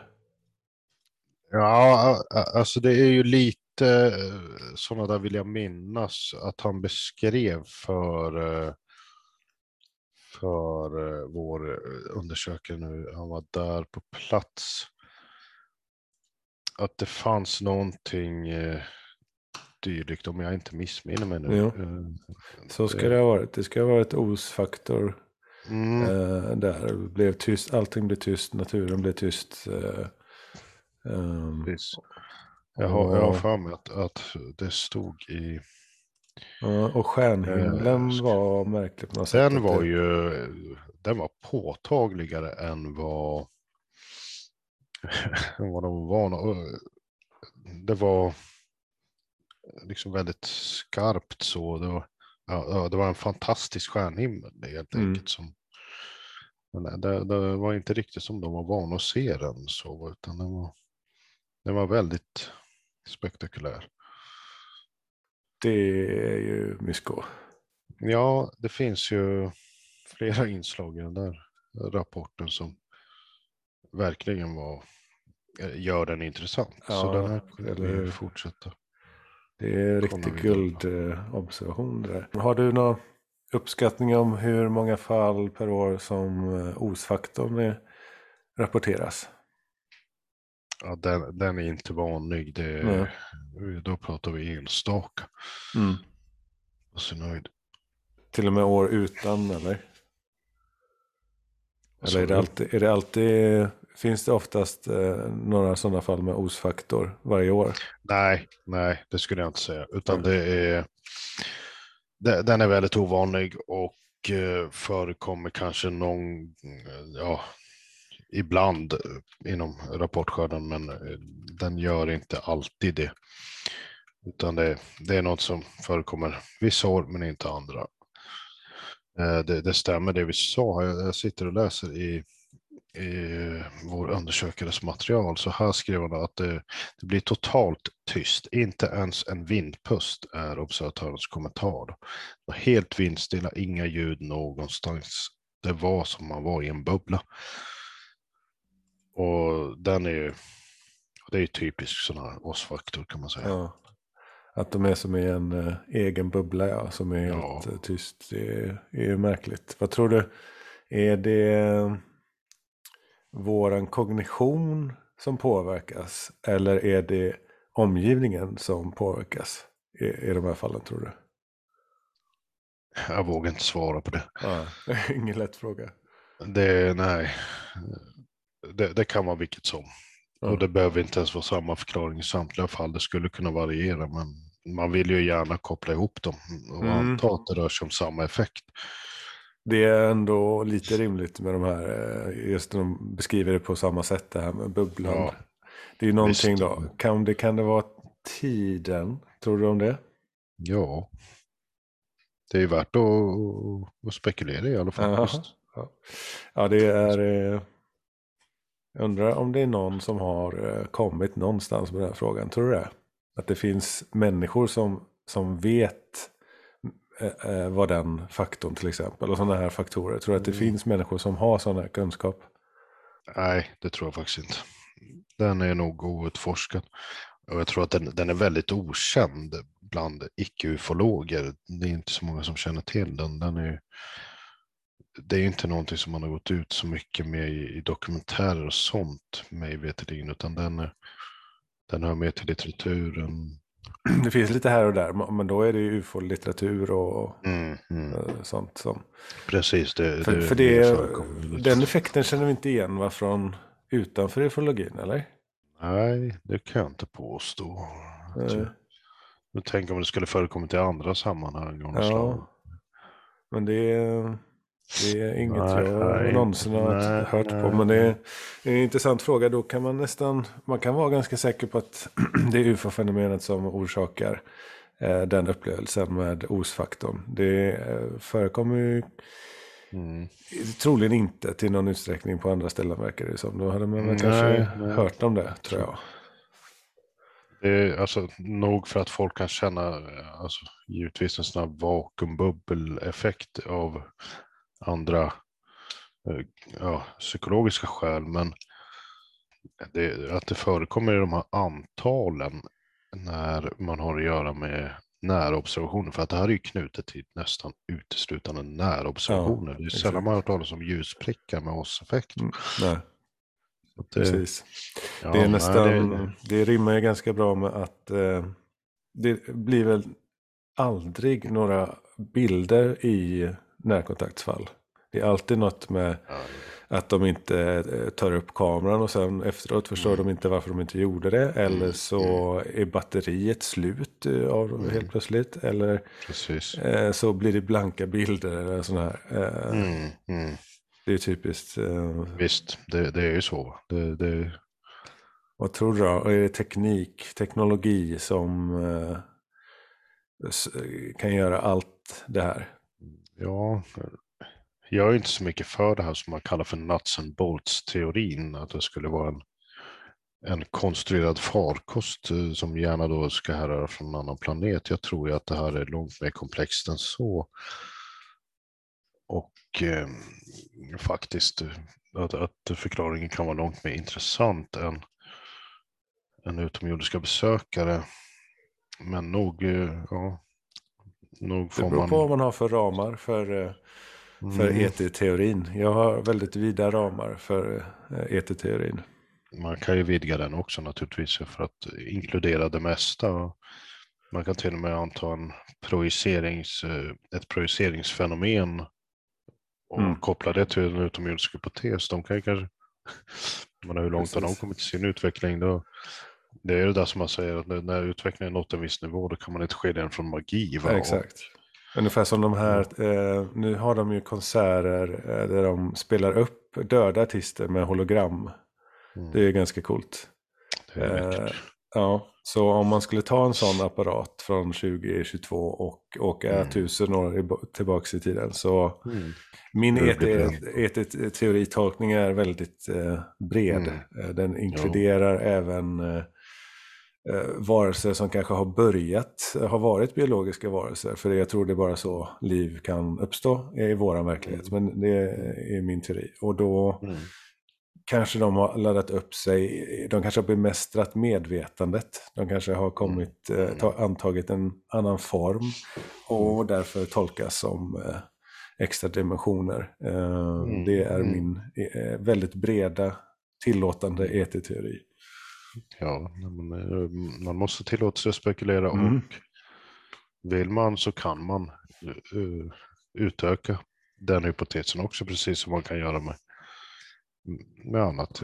Menar, det är ju, eh, en förklaringshypotes som har lagts fram, det är det här med ja, matrixvärlden och Mm. sådana där saker, att det skulle vara mm, andra En simulation. Teknik. Ja. Mm. Ja, precis. Att vi skulle vara en simulering och tar, tar man till den då, då finns det inga begränsningar alls för vad, vad den kan inkludera mer eller mindre. Vad det, Då går det inte, eh, och troligen eh, svårt att veta hur man ska komma fram till något Ja. svar. precis, den blir ganska filosofisk. Men om man ger en annan definition på att allting är en simulation, då kan jag mer köpa det att existensen i sig, att, till, att till eh, existensen bara är ett stort medvetande som utforskar, Mm. utforskar eh, sig självt. Um, eftersom det verkar som att medvetandet är fundamentalt och eh, PMR, fysiska verkligheten, inte är det. Då, då kan man också tänka att om universum är så stort så att eh, det måste finnas civilisationer som har kommit en miljon år längre med den Mm. frågan. Och som har förstått sig på existensen med fem miljoners försprång jämfört med oss i våra termer. Mm. Så, Mm. så blir det nog det där Arthur C. Clarke eh, Mm. eh, ganska... Det är inte så lätt att tänka utanför sina egna, sina egna Nej. begränsningar. Nej, det är det ju inte. Men det här med, ja, det, det, är ju medvetande forskning är ju också jätteintressant. Jag har eh, ett stort intresse för parapsykologi och Mm. läst väldigt mycket sånt och man kan absolut dra sina paralleller där med det som de teorier som myntas. För det handlar ju mycket om medvetandet och man kan alltid göra försök att applicera det på, på fenomenet och frågan och Mm. där kan man se intressanta uppslag va? för hur man ska eventuellt kunna se hypoteser inom, inom UFO-fenomenet också. Menar du att det någonsin skulle vara möjligt att eh, testa Jacques Vallées Magonia, den här eh, fantasivärlden eller vad vi ska kalla den? Oj, det, det kan nog bli svårt, men eh, Ja, på teorinivå. eh, hur ska den någonsin kunna kallas falsifierbar? Mm, Inte, ens, inte ens när vi får reda på att utomjordingarna är här så har ju eh, den, den försvinner ju inte då, den teorin. Nej. Om, Nej, den, den är ju svår att, att motbevisa självfallet och den blir ju därmed även den lite mer filosofisk än vetenskaplig kanske, men ja. å andra sidan vetenskapen sätter begränsningar som gör det möjligt och icke möjligt att tackla vissa fenomen om Mm. de har en viss förklaring. Så ja, jag, jag tror kanske att det blir svårt där också, men eh, Vad läser du om ändå- paranormala eh, fenomen då? Är det, är det uteslutande för att eh, det är kopplat till ufo-fenomenet eller är det av... Eh... Nej, nej, nej. Jag, jag, har ett, jag har stort intresse även för den sortens fenomen och studerar eh, de fenomenen på grund av det. Intressant. Har du något favoritämne eller del som du vill berätta om? Det är som, ja, jag vet inte vad är det som intresserar mig mest. Har du hållit på med ESP? Har du dykt ner i det eller ja, ja, jag, telepati? Jag, mm. jag har läst väldigt mycket om ESP-fenomen, både kontrollerade studier och spontanfenomen. Det, det är jätteintressant. Mm. Och det finns mycket intressanta studier man har gjort med väldigt slående resultat som vittnar om de här fenomenens existens. Ja. Och det finns eh, även mycket talande spontan, spontanfall med drömmar, drömmar och annat. Det, det finns mycket slående överensstämmelse mellan ja, telepatiska upplevelser, prekognitiva upplevelser. Det är inte alltid så lätt att se vad som är vad. Man har olika kategorier även här. Man har telepati, man har klärvoajans, man har prekognition. Men där har man ju även i, under många års tid inom parapsykologin haft lite kontrovers om vad som är vad. Vad är skillnaden mellan klärvoajans och telepati? Kan det vara samma fenomen? Och så vidare.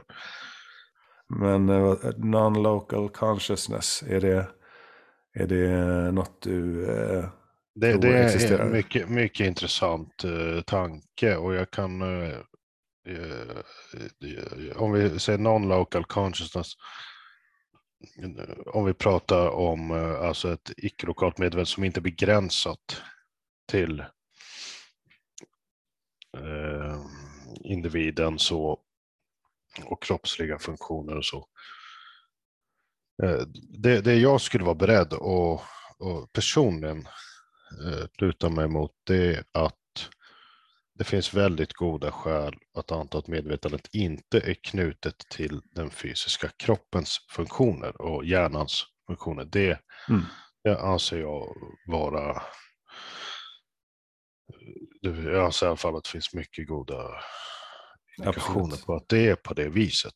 Inte minst genom nära döden-upplevelser och eh, även andra fenomen som inträffar. Men sen hur det, hur det utspelar sig därefter, det, det ja, jag, har, jag har nog ingen favoritteori om det. Det var redan, redan 1970 vill jag minnas, så skrev dåvarande ordförande för Parapsychological Association en, eh, en review så, där han gick igenom alla de teorier som fanns om, om PSI, det man kallar för, på, inom parapsykologin, man pratar om PSI när man pratar om paranormala fenomen. Mm. Och eh, jag kommer inte ihåg nu hur många det var, men redan då tror jag att det var typ 20-25 teorier, någonting sånt. Mm. Det var i alla fall över 10 stycken, jag är ganska säker på. Så redan då fanns det gott om utvecklat material. Jag kan i nuläget inte sätta fingret på en specifik som jag tycker är bäst. Mm. Utan det, det, finns för och nackdelar och även Martin Jonsson går igenom många av de här teorierna. Den svenska parapsykologen som är avliden sedan många år tillbaka. Mm i en av sina böcker. Och han, han gör ett bra jobb i att lyfta för och nackdelar. Skulle du säga att man har kommit någonstans om man jämför eh, den okulta tiden eh, förra sekelskiftet och hur långt man har kommit på vissa håll i ja, Ryssland och massa andra ställen. Har vi kommit längre nu, eh, tror du, med de här frågorna? Om man jämför med 1800-talet? Ja. Ja, det skulle jag definitivt ja. säga att man har gjort. Framförallt i bevisfrågan. Inte lika långt i frågan om att förstå sig på själva funktionen, mekanismen bakom det hela. Mm. Där skulle jag säga att där står man fortfarande och stampar. Även om man har fått en del goda indikationer om vad som kan vara inblandat och så vidare. Men man har ju inte kunnat föra någon eh, teori i, i bevis. Det har man inte kunnat göra. Det, det är oklart. Det är ganska spännande att tänka på hur långt vi ändå har kommit med, eh, med eh, de här frågorna eh, på de senaste 100-200 åren. Om någon dag har kommit 100 000 år längre med frågorna, då blir, mm. Då blir det väldigt mycket som blir möjligt. Kan, kan jag tycka. Ja, det, det, det hade ju varit minst sagt fascinerande att bara få hoppa fram 200 år i tiden och se hur långt parapsykologin hade kommit då. Exakt. För det finns ju inte någon väg tillbaka nu egentligen för de delarna. Och det kan man väl bara bli mer och mer accepterat i och med att det finns ja, det seriösa vetenskapsmän som har eh, det kanske inte finns så mycket peer review, men det är för att de inte betalar för det. Men eh, ändå att det finns mm. seriös forskning gjort på det som inte går att blunda för längre. Eh, mycket längre i alla fall tror jag. Vad tror du? Ja, Frågan är vad som ska till för att det ska få genomslag. Det har under väldigt många år funnits institut inom olika universitet som har ägnat sig åt det här och det har funnits eh, mediterade forskare som har ägnat sig åt frågorna. Det har trots det inte lett till något omfattande genomslag. Så ja, jag vet inte riktigt. Har du lyssnat på de här eh, supersmarta herrarna med sina sådana här eh, big toe, eh, theories of everything? Nej, det vet jag inte om jag har gjort.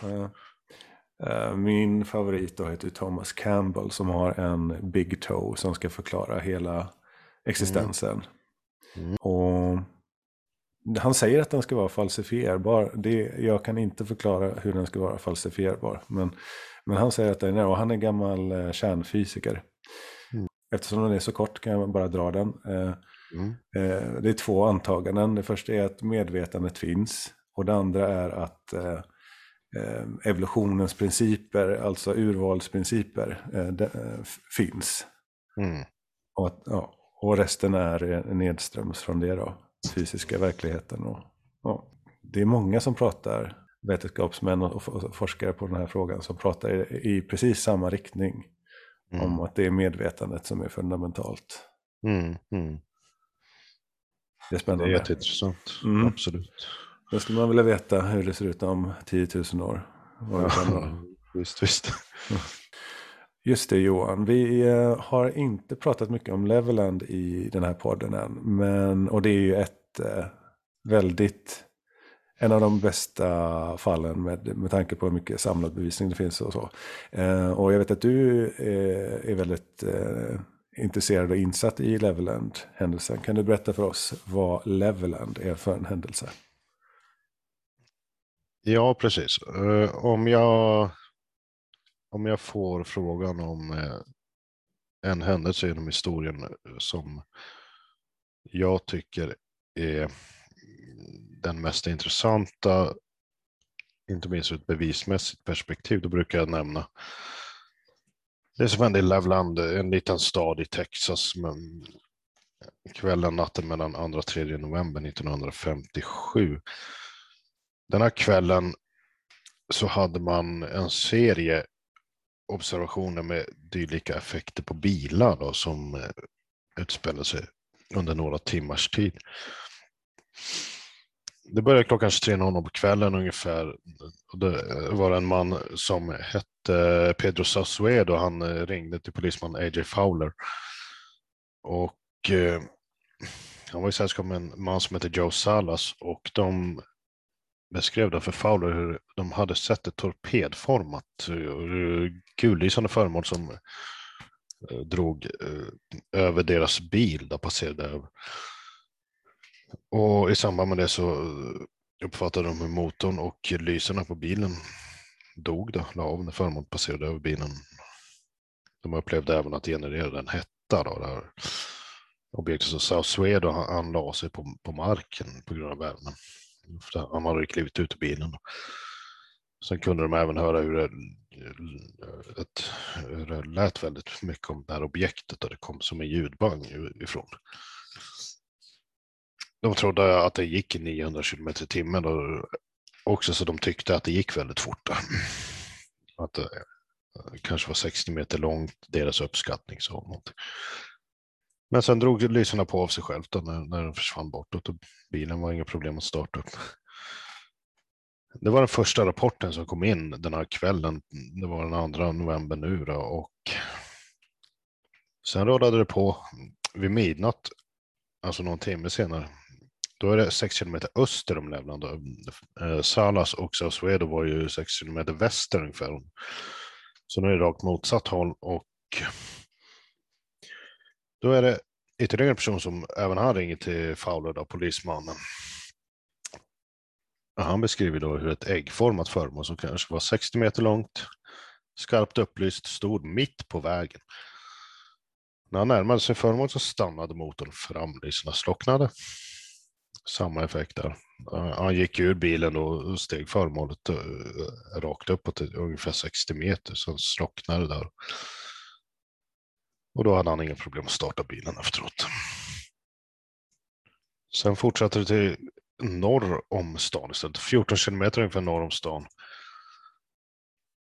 Då var det ytterligare en bilist som såg ett lysande föremål stå på backen.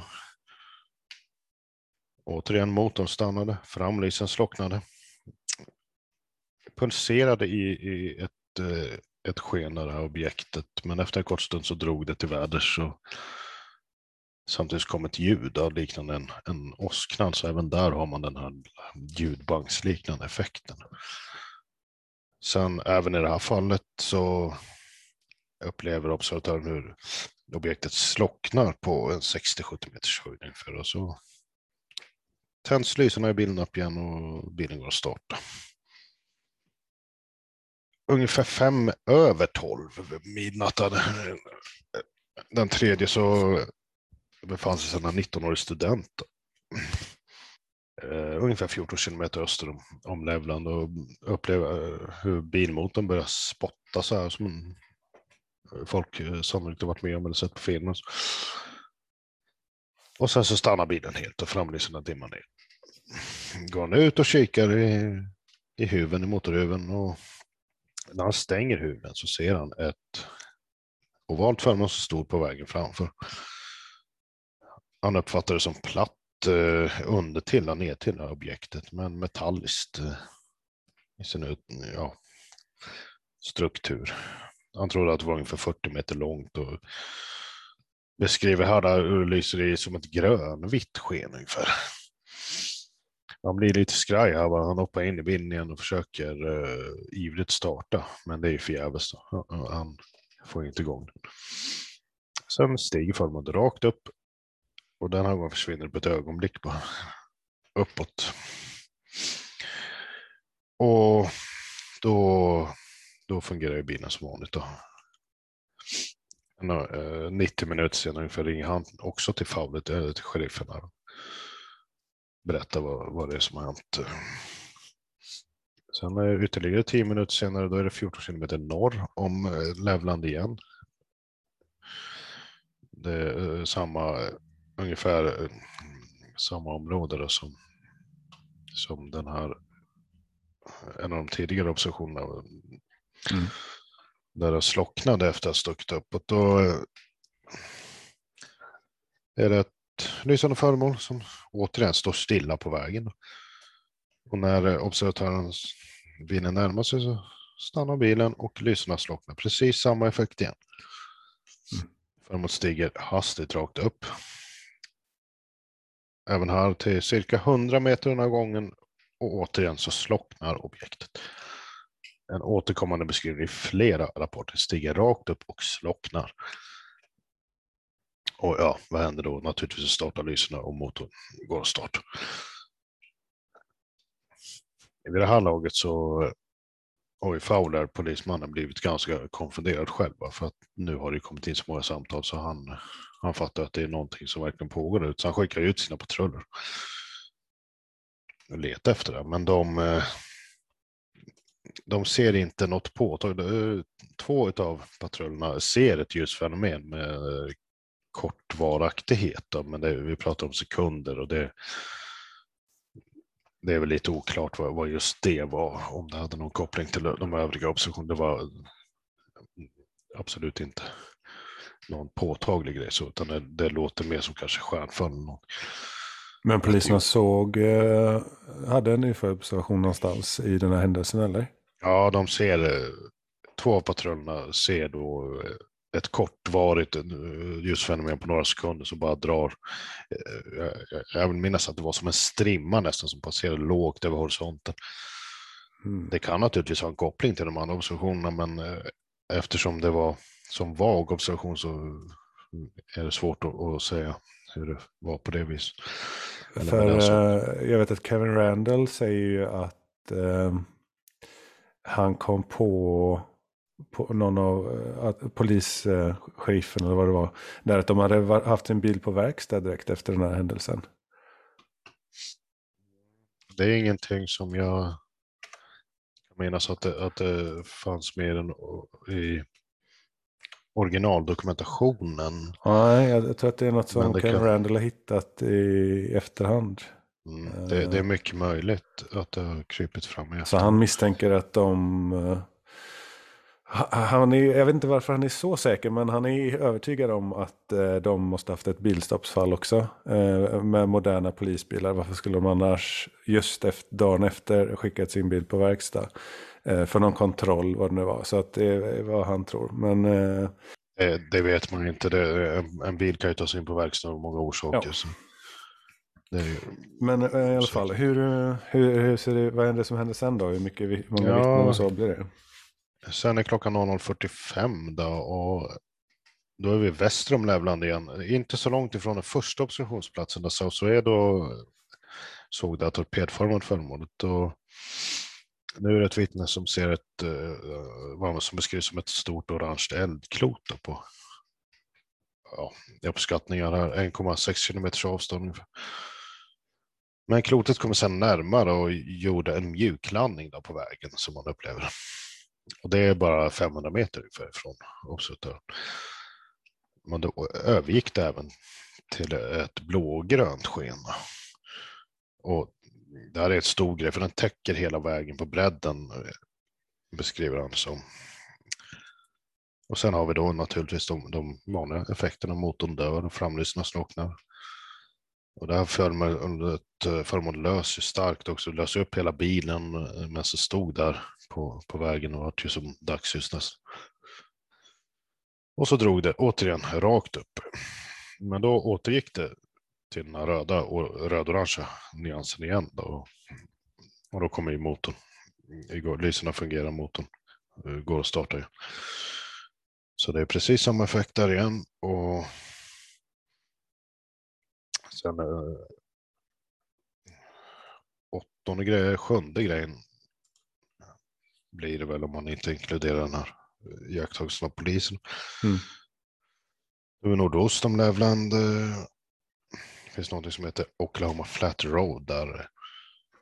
Och då slocknar återigen framlyserna och motor dör när observatören närmar sig ett äggformat föremål som lyser starkt. Och det är på ungefär 60 meters avstånd ifrån honom. Någon gång lyser det lite som i etapper eh, jämfört med lite neonljus. Så, jag tror att det är 60 meter långt Det är också en, en uppskattning som är återkommande här. Den här gången sticker föremålet rakt upp när han kliver ur bilen. Och samtidigt så hörde även han ett, ett dånande ljud. Och sen funkar både motor och lysen normalt igen. Jag, ska, jag sa ju Fowler också själv då att den här var, personen var mycket upprörd efter sin iakttagelse när han ringde till Fowler skraj eller Ja, det kan, man, det kan man väl kalla det. Det är väl de observationerna som är de huvudsakliga. Det var ju ytterligare en patrull som gjorde en observation lite senare, där 90 minuter senare, ungefär någonstans omkring eh, runt 0.30. Mm.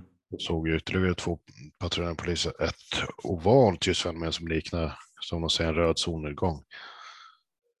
Och det var ju lite påtagligt så, för det löste ändå upp omgivningen framför patrullbilen i, i några sekunder. Men det var inga, inga effekter den gången på, på bilen, inget bilstopp. Mm. Det är inte det lite märkligt att det inte alltid Mm. blir bilstopp i de fallen? Mm. För då är det ingen sidoeffekt känns det- som. Ja, precis. I det här fallet är det på stort avstånd också kan man anta. Det, det är lite, eller okej. stort, men kanske lite större i alla fall. Ja.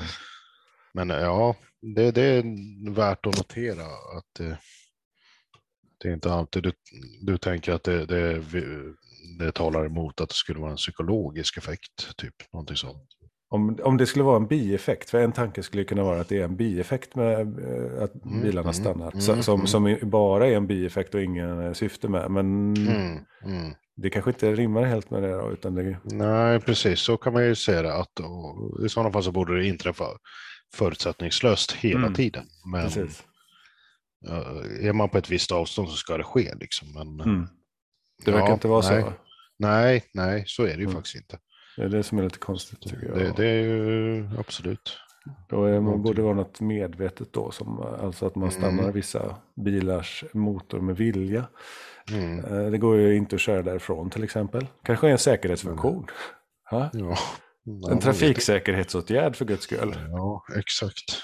Ganska effektivt så också. Det är Ja. svårt att ha någon bilolycka när bilen inte kommer någon vart.